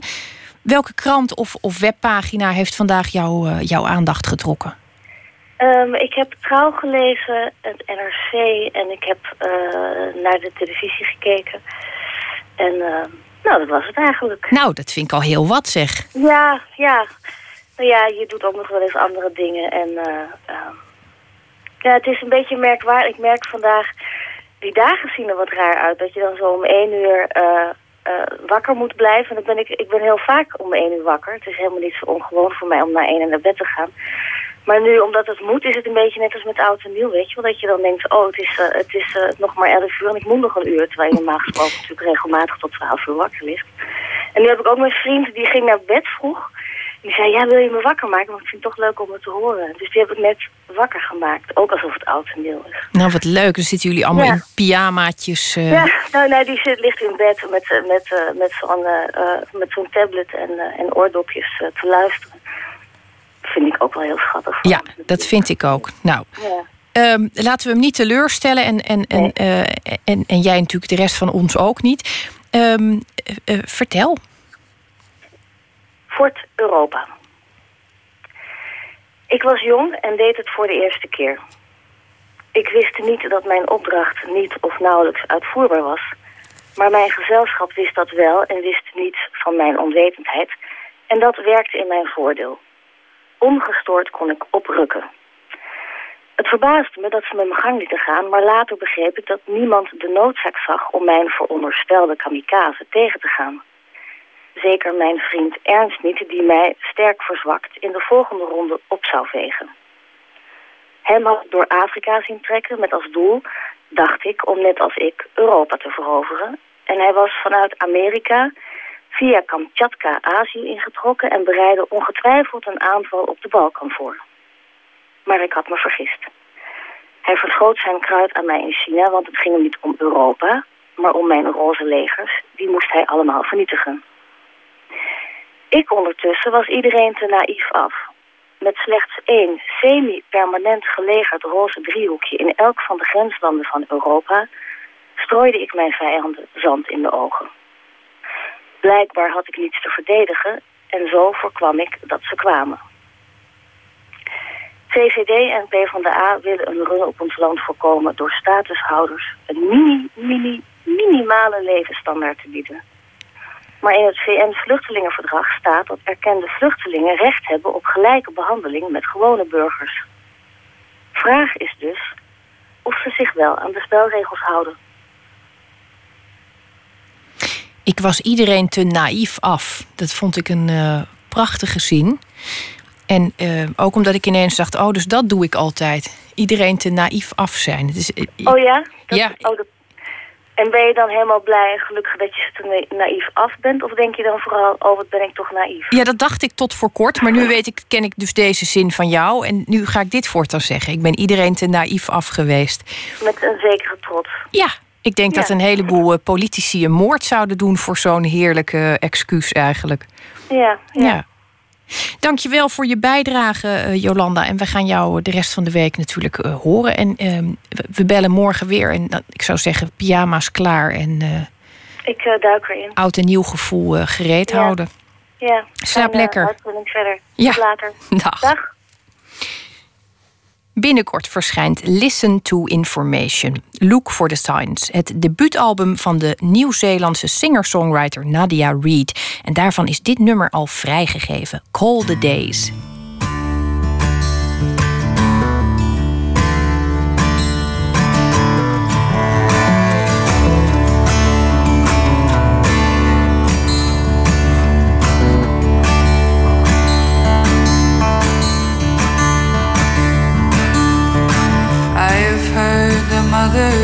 Tongue. She said, Baby, don't you come under. I am so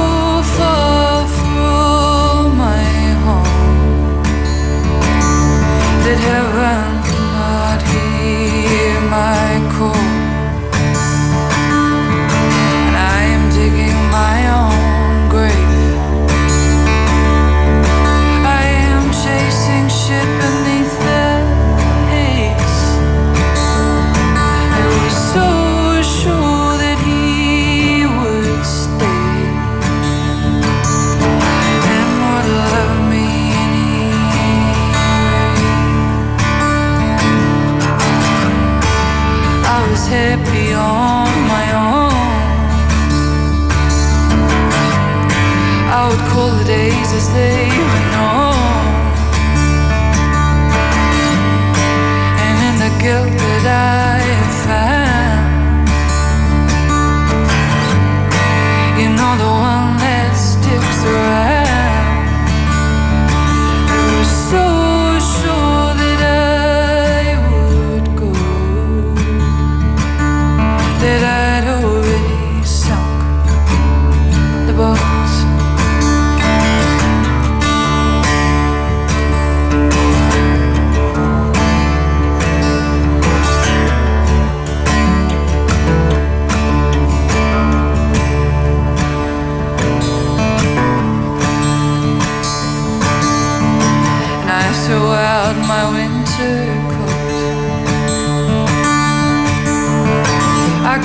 sleeves off all I know.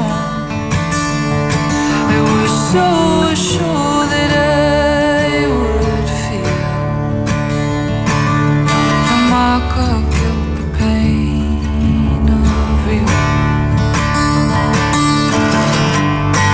And I was happy on my own.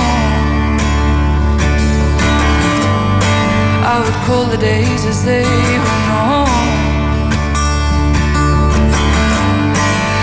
The guilt that I found, you know the one that sticks around. I was so sure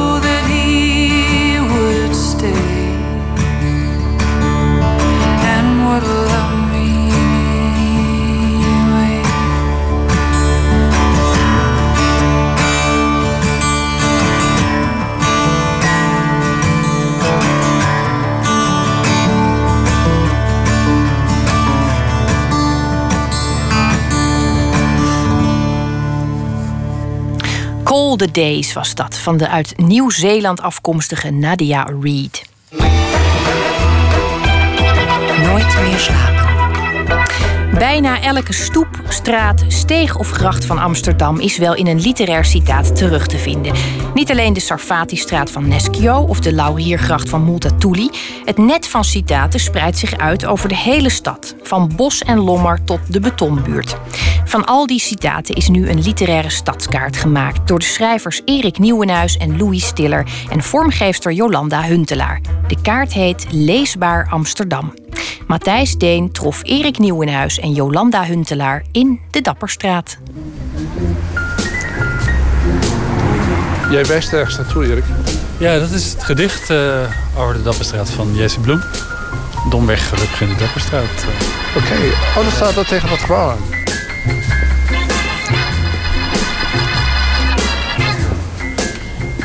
En ik zie nu ook dat het eh, in eh, heel veel talen vertaald is. Heureux tout bonnement dans la Dapperstraat.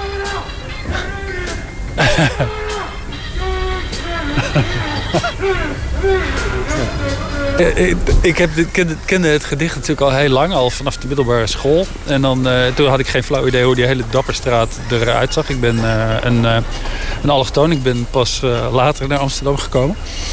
En eh, eh, het beeld dat je dan in je hoofd hebt bij zo'n dichter die eh, zegt... ja, een eh, natuur is voor tevredenen of lege. Wat is natuur nog in dit land? Een heuvel met wat villaatjes ertegen, een stuk bos te groot van een krant.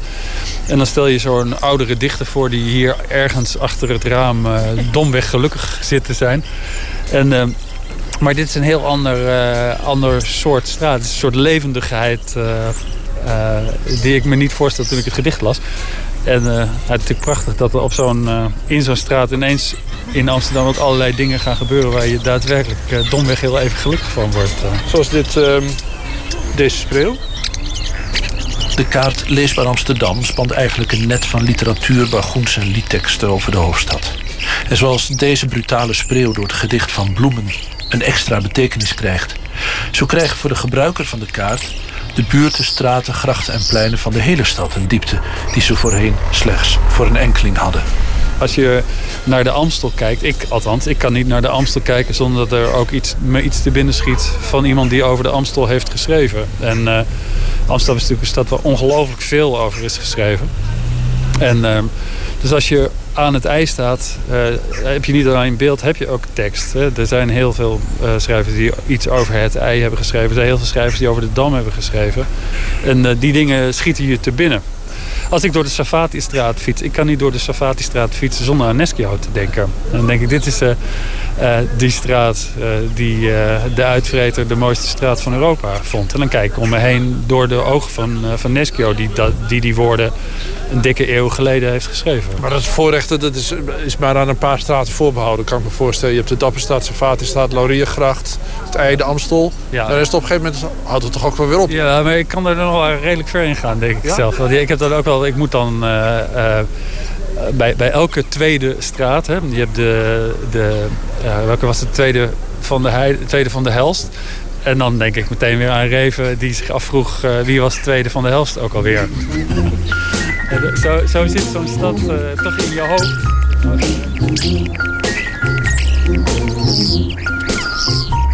Maar is het zo dat je er vertrouwen in had dat die schrijvers voldoende hadden aangeleverd?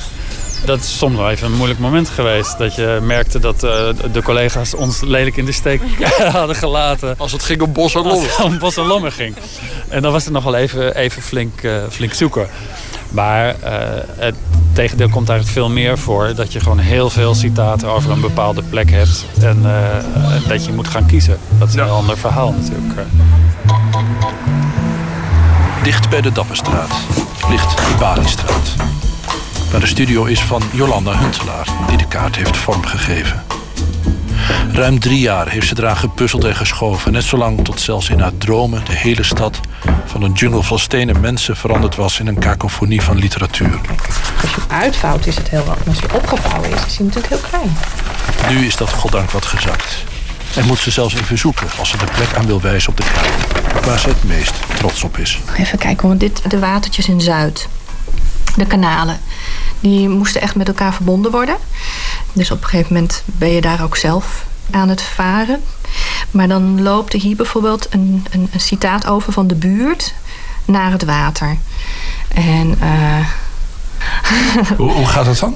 Nou, dan moet ik even voorlezen. Ja, ik ja, niet dat het, uh, het begint uh, met bebouwing. En dat is in het perceel aan de stadionkade hing de stilte van de ouderdom. En dan gaat het door in het water. Uit de slaapkamer kwamen geluiden op leeftijd. Een vage schuifel, hoesten. Het gerucht van een vaporisator. Gerinkel van een glas tegen een medicijnflesje. En dan heb ik wel het idee alsof de geluiden doorklinken over dat water en weer terug. En dat vind ik wel heel erg mooi. Hoeveel citaten staan erin, Jolande? Ja, het is tegen de 500, hè? Ja, tussen de 450 en ja. 500, ja. Nou, Jolande, uh, de enthousiasme uh, nam het meteen over. Dus die begon uh, het magere hoopje citaten dat we bij elkaar hadden gebracht. Een stuk of 50, 60. En ontdekte al, aldoende heel snel... oh, dit is veel en veel te weinig. Jullie moeten aan de bak.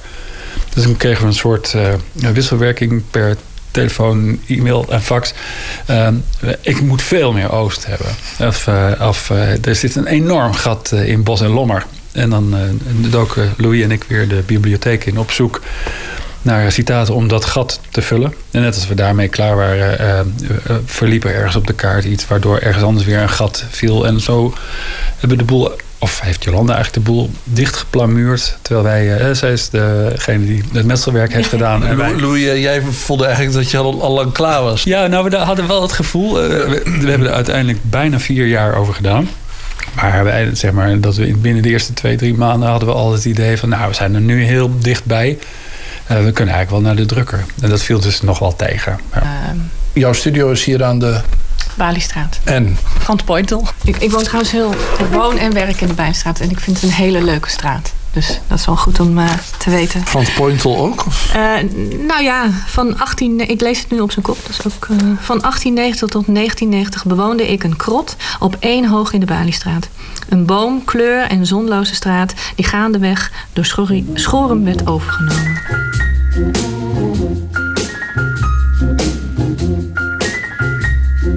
De schoonheid van Amsterdam, die uh, jaarlijks 1 miljoen of 2 miljoen toeristen aantrekt, trekt ook schrijvers aan.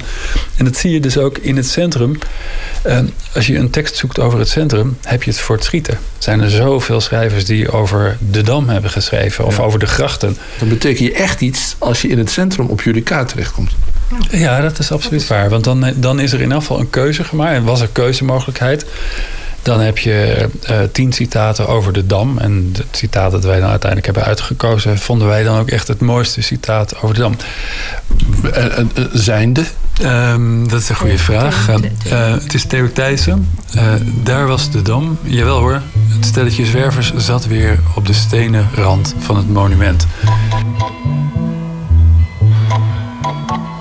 Het centrum is net als in de maffiafamilie, zou je bijna zeggen. Het centrum is verdeeld uh, onder de grote families. En dan heb je natuurlijk uh, Ali van der Heijden, die de Slag om de Blauwbrug, een van de eerste, denk, denk een van de eerste boeken over Amsterdam die ik las.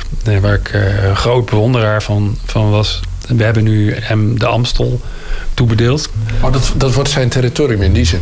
En waarbij je dan wel weet dat Betondorp, uh, daar, daar heerst de Revenfamilie. Vooral in het centrum kom je op, op een gegeven moment voor keuzes te, te staan. En dan heb je twee mooie citaten naast elkaar. Uh, goed, ik ben, ben ook uh, meer een bewonderaar van Reven dan van Moelisch bijvoorbeeld. En dan, maar het kan best zijn dat je dan ergens, uh, dat je op het museumplein een prachtig Reven-citaat hebt. Dat je denkt, ja nee, uh, het museumplein is van Harry Moelisch. Dus die moet daar komen te staan. Gaan al die citaten over plekken die er nog zijn, Jolanda? Uh, Annie M.G. Schmid, hier bij de Middenweg. nou ja, toen we begonnen met de kaart, toen stond de Albert Heijn er nog wel.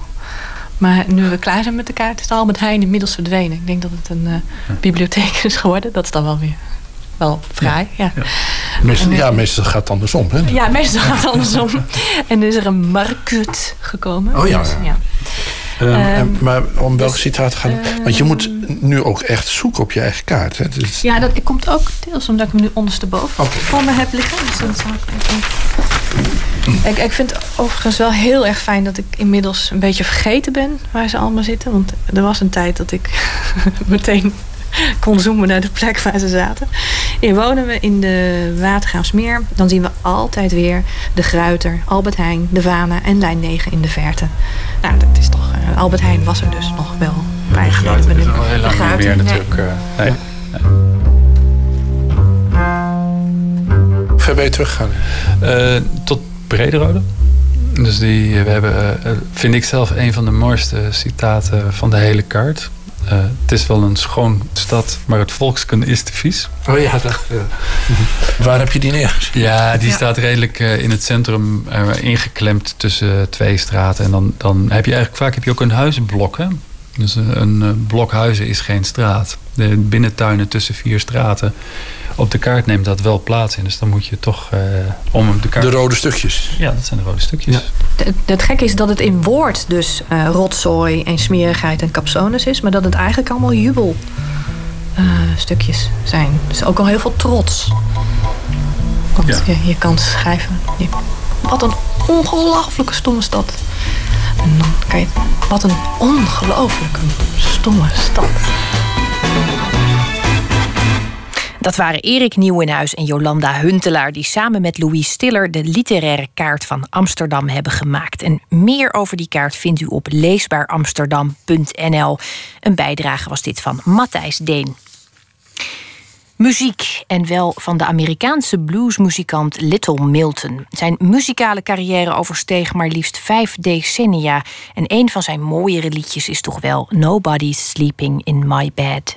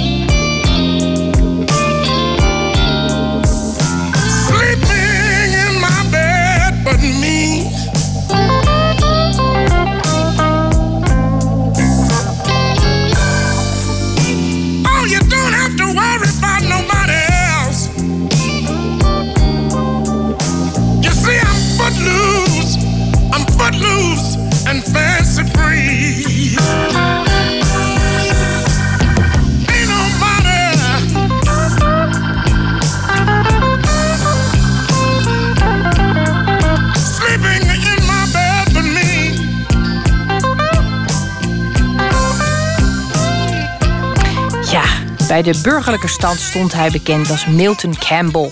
Little Milton was dat, met Nobody Sleeping in My Bed.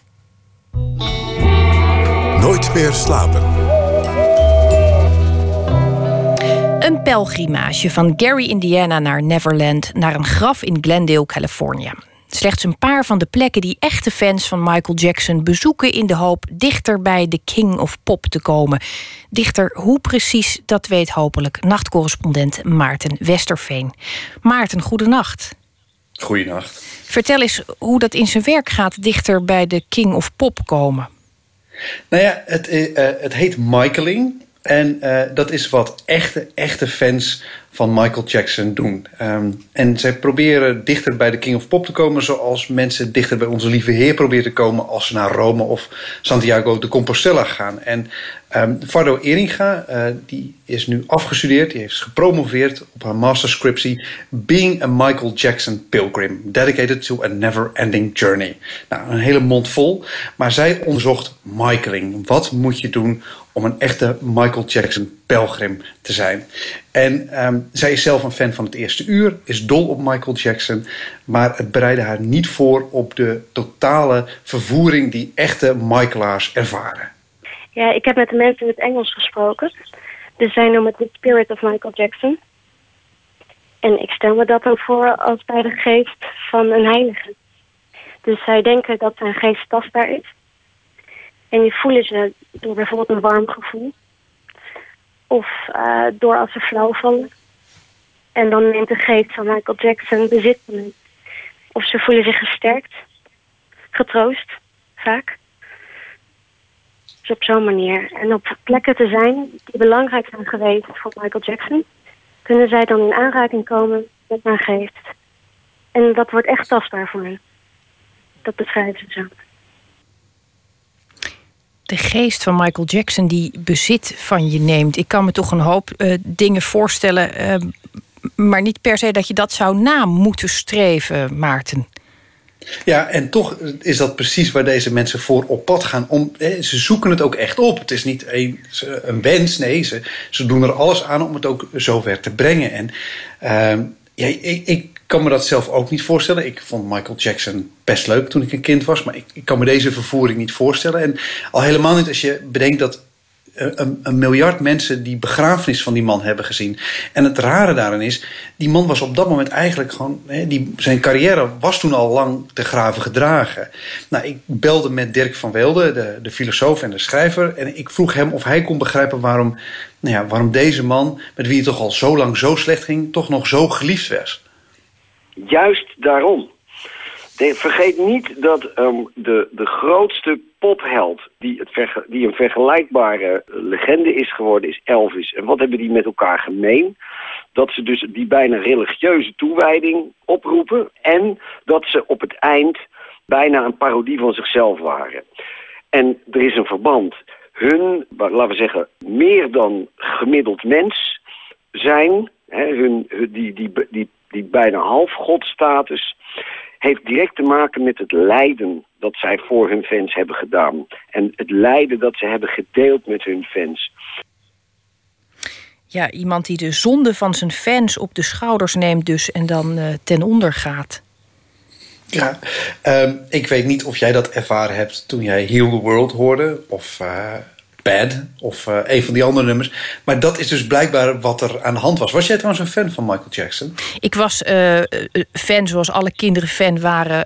namelijk net zolang tot ik de moonwalk echt niet onder de knie kreeg. En toen haakte ik af of werd ik gewoon verliefd op een filosoof of op een dichter. Nou ja, kwam in een andere fase terecht.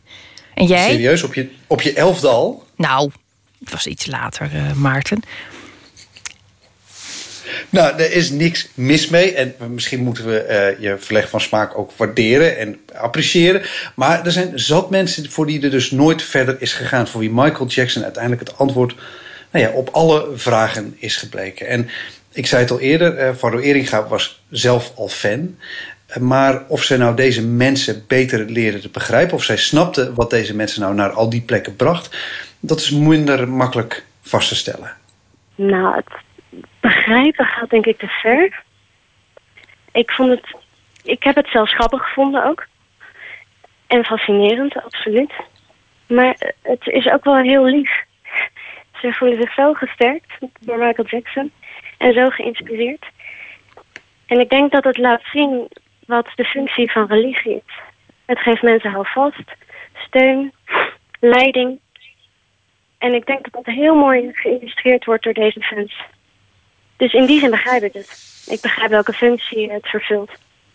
Ik heb zelf niet die gevoelens met Michael Jackson. Maar ik zie niet in wat een, een Maria-verschijning zo anders maakt dan een Michael Jackson-verschijning.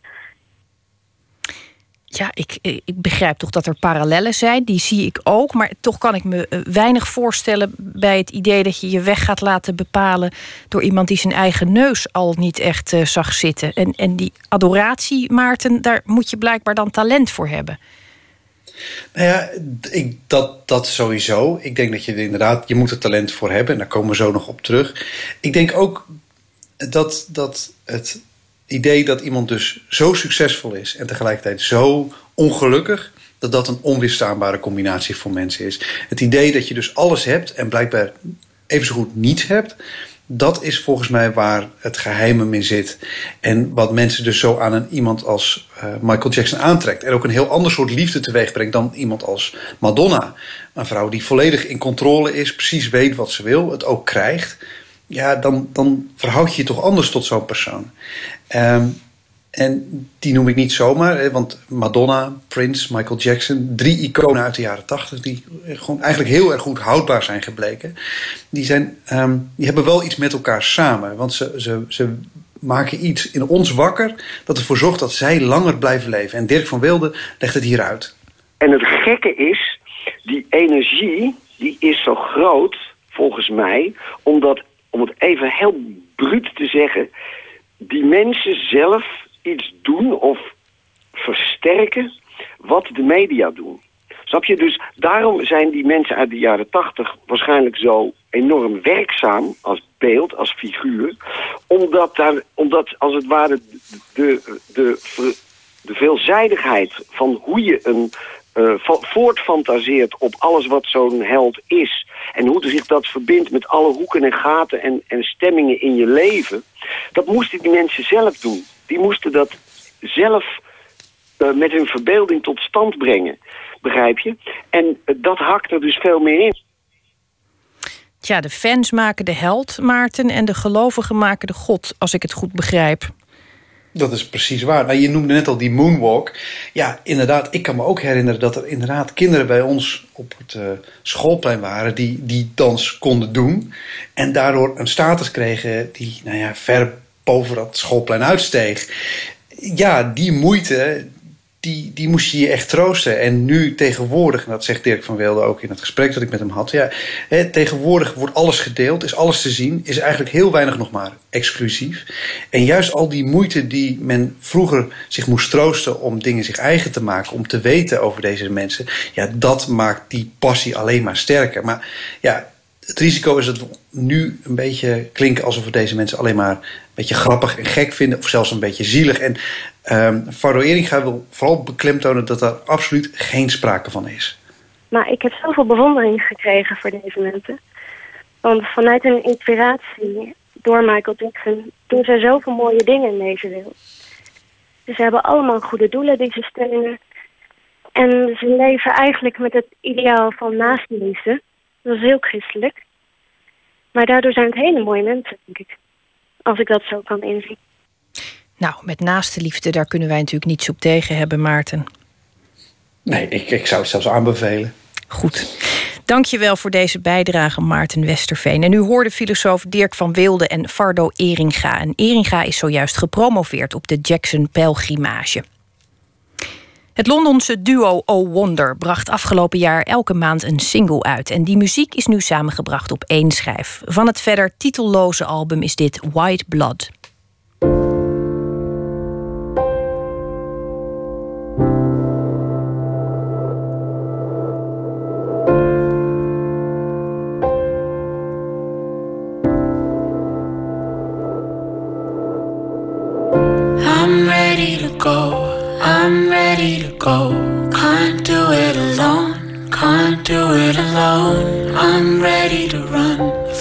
Heat of the sun. Can't do it alone. Can't do it alone. I'm ready to fall. So tired of it all.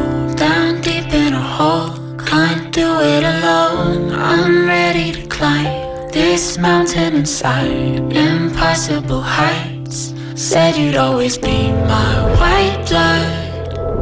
Circulate the right love. Giving me your white blood. You'd always be my white blood. Elevate my soul above. Giving me your white blood. I need you right here with me here with me.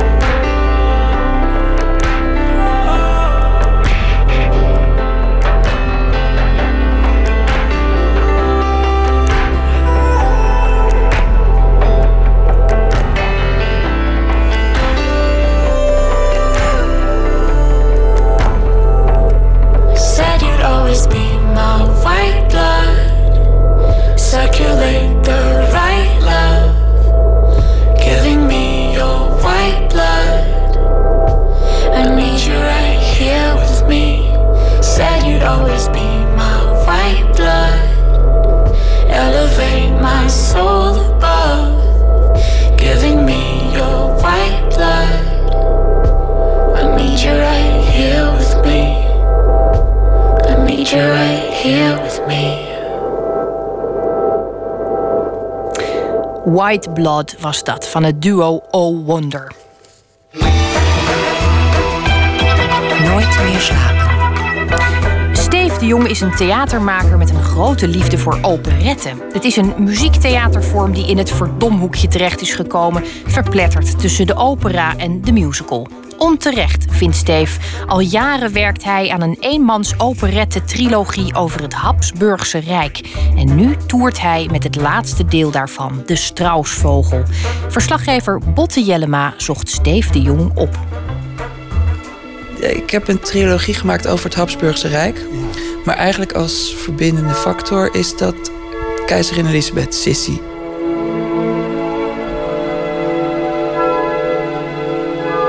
Die zit in alle drie de, de eenmans-operettes tot nu toe.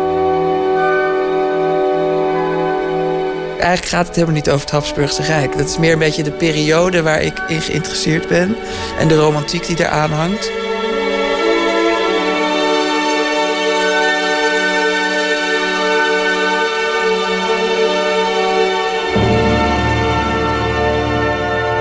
De eerste die heet De Grootste en Meeslepend. Even denken, wie was daar de hoofdpersoon ook weer in? Wat had je daar ook weer... Dat was je zelf was ik eigenlijk? eigenlijk zelf. Ja, nee, die heet De Grootste en Misleept Wil Ik Leven. En die vertrok vanuit het verhaal van mijn oma... die in de jaren dertig revueartiest is geweest, acrobate. En aan de hand van haar dook ik een soort fantasiewereld in, in Wenen. En daar liep eigenlijk alle tijd door elkaar heen. Maar dan ging het uiteindelijk om een liefdesverhaal tussen mij en de zoon van Sissy. Wat zich ontwikkelde en met een whodunit er doorheen. En een moord. En, Daarna maakte je eentje over eh, Ludwig, de grote eh, ja, romanticus van Beieren, zullen we maar zeggen. Mhm. Ludwig II. Nou ja, die vorige voorstelling was dus ook waar de keizerlijke familie van Oostenrijk in voorkwam. En ik wist wel van het bestaan van die neef natuurlijk. Dus toen ben ik daar geweest op mijn vakantie. En toen kwam ik in dat Neuschwanstein kasteel. Het slot, ja. Wat, wa- het beste wat we daarover kunnen vertellen is misschien dat het eh, logo van Disney daarvan is afgeleid. Precies, ja. Dat is, het is het door een roosje kasteel van Disney is daarop gebaseerd.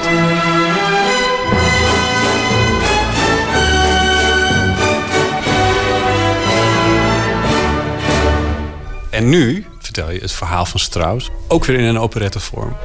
Even dat woord operette. Want de- de- je vertelde net zelf ook al van, ik moet het zo vaak uitleggen. Maar waar- want je, je, je schrijft op je website van, dat, het, dat het een soort van taak voor je is, voor je ziet om, om de operette te ontdoen van het, van het ja, wat negatieve imago wat het, eh, wat het heeft. Waarom wil je dat? Ja, ik, een aantal jaar geleden heb ik dus die operette eh, ontdekt. Door middel van oude platen die je allemaal wel vindt bij de kringloopwinkels. Hè, die staan vol met die bakken met van die rare, eigenlijk van die kitscherige, lelijke voorkantjes. Nou De ja, voorganger van de musical, hè, zullen we maar zeggen. Ja, dat is operette, komt voort uit de opera. Ehm, ja, dat is een enorm verhaal. Maar in ieder geval, het ontstond omdat opera's waren heel lang. Ontwikkelde zich tot een heel lang genre. Op een gegeven moment kwamen er komische opera's... die ontstonden weer uit intermezzo's tussen die serieuze opera's door. Die komische opera's werden... of die intermezzo's waren eigenlijk weer populairder... dan die dramatische opera's eromheen. Die intermezzo's werden weer uitgebreid tot komische opera's. Dat ontwikkelde zich weer tot vier uur lange stukken... die eigenlijk weer tra- tragisch eindigden. En toen was er een Fransman, Jacques Offenbach ben ik vrij kort door de bocht, hè, want er zijn natuurlijk andere mensen geweest. En die heeft bedacht, ik ga kortere stukken maken met veel satire, humor, erotiek, dans. Het duurt niet uren. En het hoeft ook niet allemaal door operazangers gezongen te worden. Er komen ook gewoon courtisanes. De hoeren van toen deden mee. En daar is de operette uit voortgekomen. Dat is natuurlijk naar Wenen overgeslagen.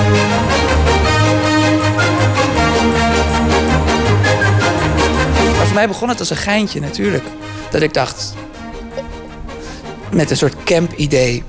Hè, operetteplaten, haha, leuk, Marco Bakker, weet je, het campachtige. Maar toen ik die muziek draaide, toen raakte ik daar gewoon in de ban van. Ik dacht, dit is prachtig, die melodieën. Schitterend, het sprak mij heel erg aan. En ik dacht altijd, oh, weet je, voor mij was opera, daar ging ik vaak naartoe. En dat vond ik be- betoverend. En ik dacht, dat wil ik ook maken. Maar toen ik dus die operettemuziek ontdekte, dacht ik, nee, dit past veel beter bij mij. Het is veel, het heeft iets. ehm, de muzikaliteit, de melodieën. Je kan het sneller meezingen op een of andere. Het heeft een soort. Kijk, makkelijk is een beetje denigrerend, maar ik dacht, dit bestaat helemaal niet meer hier in Nederland. En iedereen ziet er natuurlijk. Ik zag er een soort van niche-achtig iets in. En ook een soort, ik dacht, ja, maar dat gaat mij lukken. Omdat iedereen bij operetten denkt, ja, maar dat is hartstikke leuk. En dat dan denk ik, ja, maar dat is toch. eh, hè, ik moet het nieuw uitvinden. En het woord staat natuurlijk iedereen tegen de borst nog steeds. Maar toch gaat het al beter hoor. Gaat, gaat het, al- merk je al wat verbetering? Ja, want we stonden nu voor het tweede jaar op de parade met... met het eerste jaar was ook, stond ook op de poster operetten. Nou, had ik, dit jaar dacht ik, dat doen we ook niet. Want dat is niet, toch niet handig. Je moet ook marketing wel een beetje handig zijn. Dus dat er niet op. Maar er kwamen toch mensen langs eh, de tent. Zeiden, nee, maar dat was die jongen van die operetten van vorig jaar. Daar moeten we heen. Dus toen krijgt het toch weer een beetje positieve lading, het woord.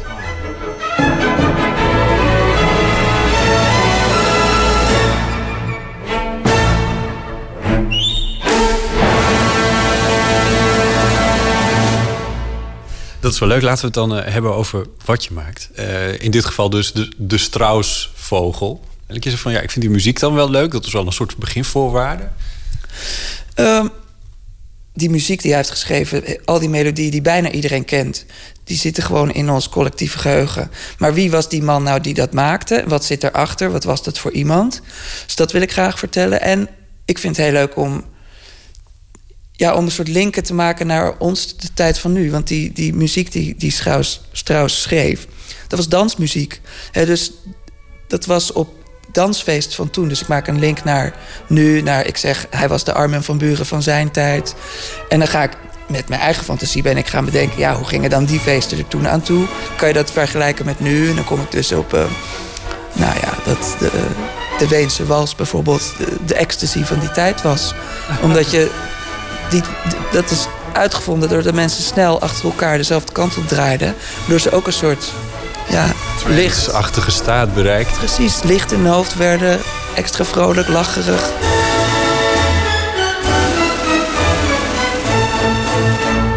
Vertel eens, wat, wat is het bij jou dat je...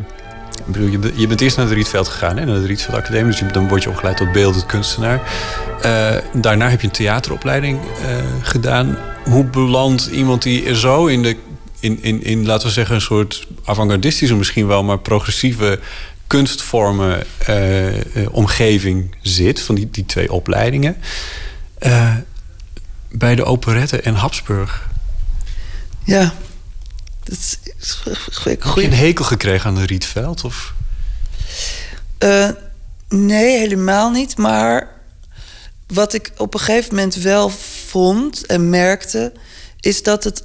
En dat merkte ik ook op die eh, theateropleiding daarna. En daar liet ik mezelf ook in meegaan, want ja, je gaat toch. Dat het heel erg gaat over. dat je het met je verstand de dingen maakt. Het moet over concepten gaan. Het ging voor mij te veel over denken. Het ging bij, op die Rietveld bij wijze van spreken nooit over... ja, maar hè, wat voelde je? En pas eigenlijk is ook pas daarna gekomen, ook na DAS-arts. Op DAS-arts heb ik gewoon op een gegeven moment... Ik werd een beetje daar ook recalcitrant van dat avant-gardist... zogenaamd avant-gardistische wat het moest zijn. Dat is, dat is die theateropleiding. Ja, eh, een fantastische opleiding hoor. Ik heb daar geweldig, want ik kon daar doen wat ik wilde. En uiteindelijk zou je ook kunnen zeggen... iemand die de operet pakt... is misschien een omgekeerde vorm van avantgardisme. Maar eh, daar kon ik wel doen wat ik wilde. Maar door, je zat daar echt met tussen de mensen die... het was natuurlijk echt de performance wereld... die veel meer linkt aan internationaal programmering, eh, meer aan de musea. dat je zo'n vaag tussengebied tussen de beeldende kunst en theater. En ik werd daar echt. Ja, op een of andere manier wilde ik daar heel graag gewoon terug naar een soort. De mensen zitten hier, ik sta daar. eh, ik wil liedjes zingen. Ik, wil, ik kreeg een soort behoefte aan een enorme, echte theatersfeer. En dus daar kwam de opera voor mij heel snel bij. Dat ik dacht, dat is het, weet je. Ik wil, heb helemaal geen zin om, om de realiteit op het toneel te brengen... of dat het moet gaan over het nu of over de wereld om ons heen. Nee, ik wil een wereld maken die alleen maar in dat theater bestaat. Die alleen maar nu bij de mensen bestaat. Dus dat, moet, dat mag sprookjesachtig zijn. Daar gaan mensen tegen niet praten, maar zingen tegen elkaar het moet gaan over dat je, dat je denkt... oh ja, weet je, wat je als kind hebt als je naar voor het eerst in het theater zit... dat je denkt, het is gewoon magisch. Dit denk je niet... Weet je, ik snapte helemaal niet wat ik voor het eerst zag in het in, in, in theater. Maar ik voelde wel iets van, oh, wat is dit fantastisch. En oh, het is mooi en licht en kleuren en, en sfeer en een wereld en sprookjesachtig. En ik geloof dat ik dat gewoon wil, uh, wil vangen. En die operette is daar voor mij een hele goede basis in. Inspiratiebron, omdat de verhalen, de muziek, er zit heel veel romantiek bij. Heel veel sentiment ook. Maar ik vind het ook helemaal niet erg. Ik vind sentiment iets fantastisch. Dat is geweldig. Dat, is, dat gaat over gevoel. Dat, en eh, ja, dat, daar heb ik zelf op dit moment misschien ook in mijn leven behoefte aan. Dus maak ik het. En hoop ik maar dat mensen dat ook fijn vinden om naar te kijken.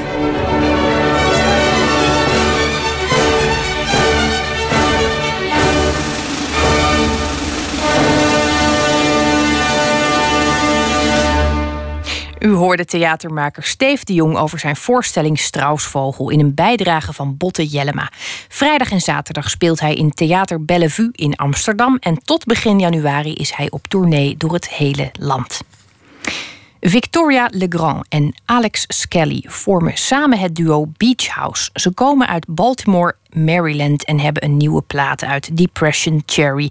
En daarvan is het nummer PPP, mijn favoriete nummer, het nummer wat we nu gaan draaien.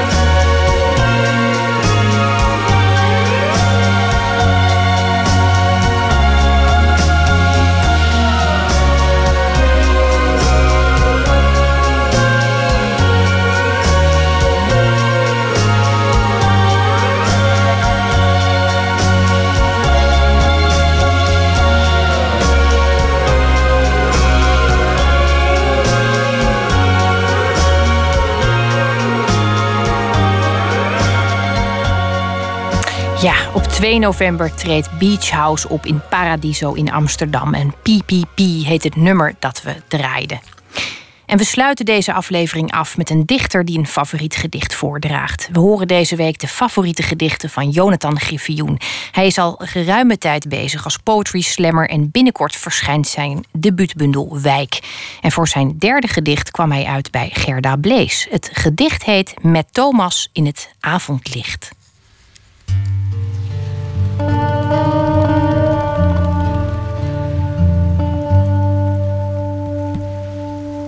Het gedicht dat ik vanavond ga doen is van, uh, is van Gerda Blees.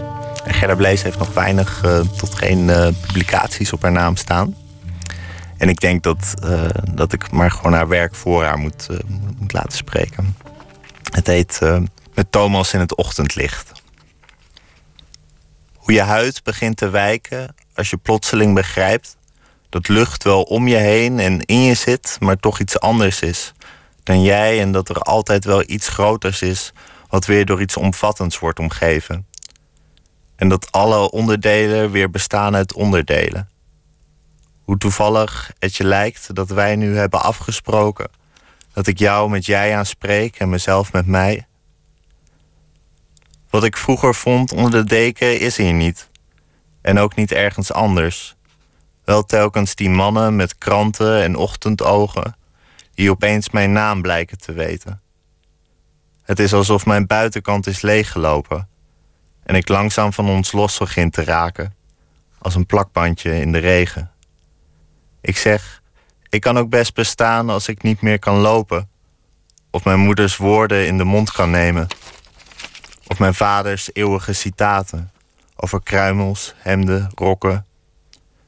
En ik vraag je of wij maar gewoon een toevallige verzameling zijn van moertjes en boutjes in de hand van iemand die misschien wel nooit van plan was om een werkend apparaat van ons te maken. Als hij straks zijn vingers spreidt, rollen we alle kanten op. Zie je die man met die waterpomptang? De lijm lost op. Ja, prachtig gedicht van Gerda Blees. En dat heette natuurlijk niet met Thomas in het avond, maar juist met Thomas in het ochtendlicht. En dit werd gelezen door Jonathan Griffioen.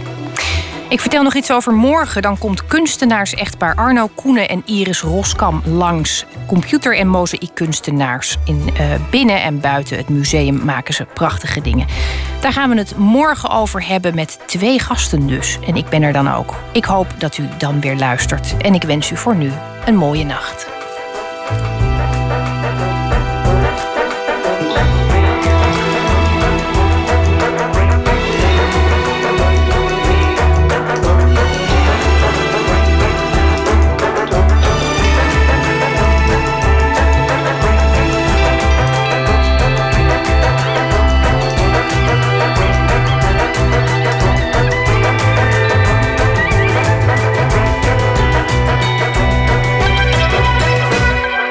Radio 1. Het nieuws van alle kanten.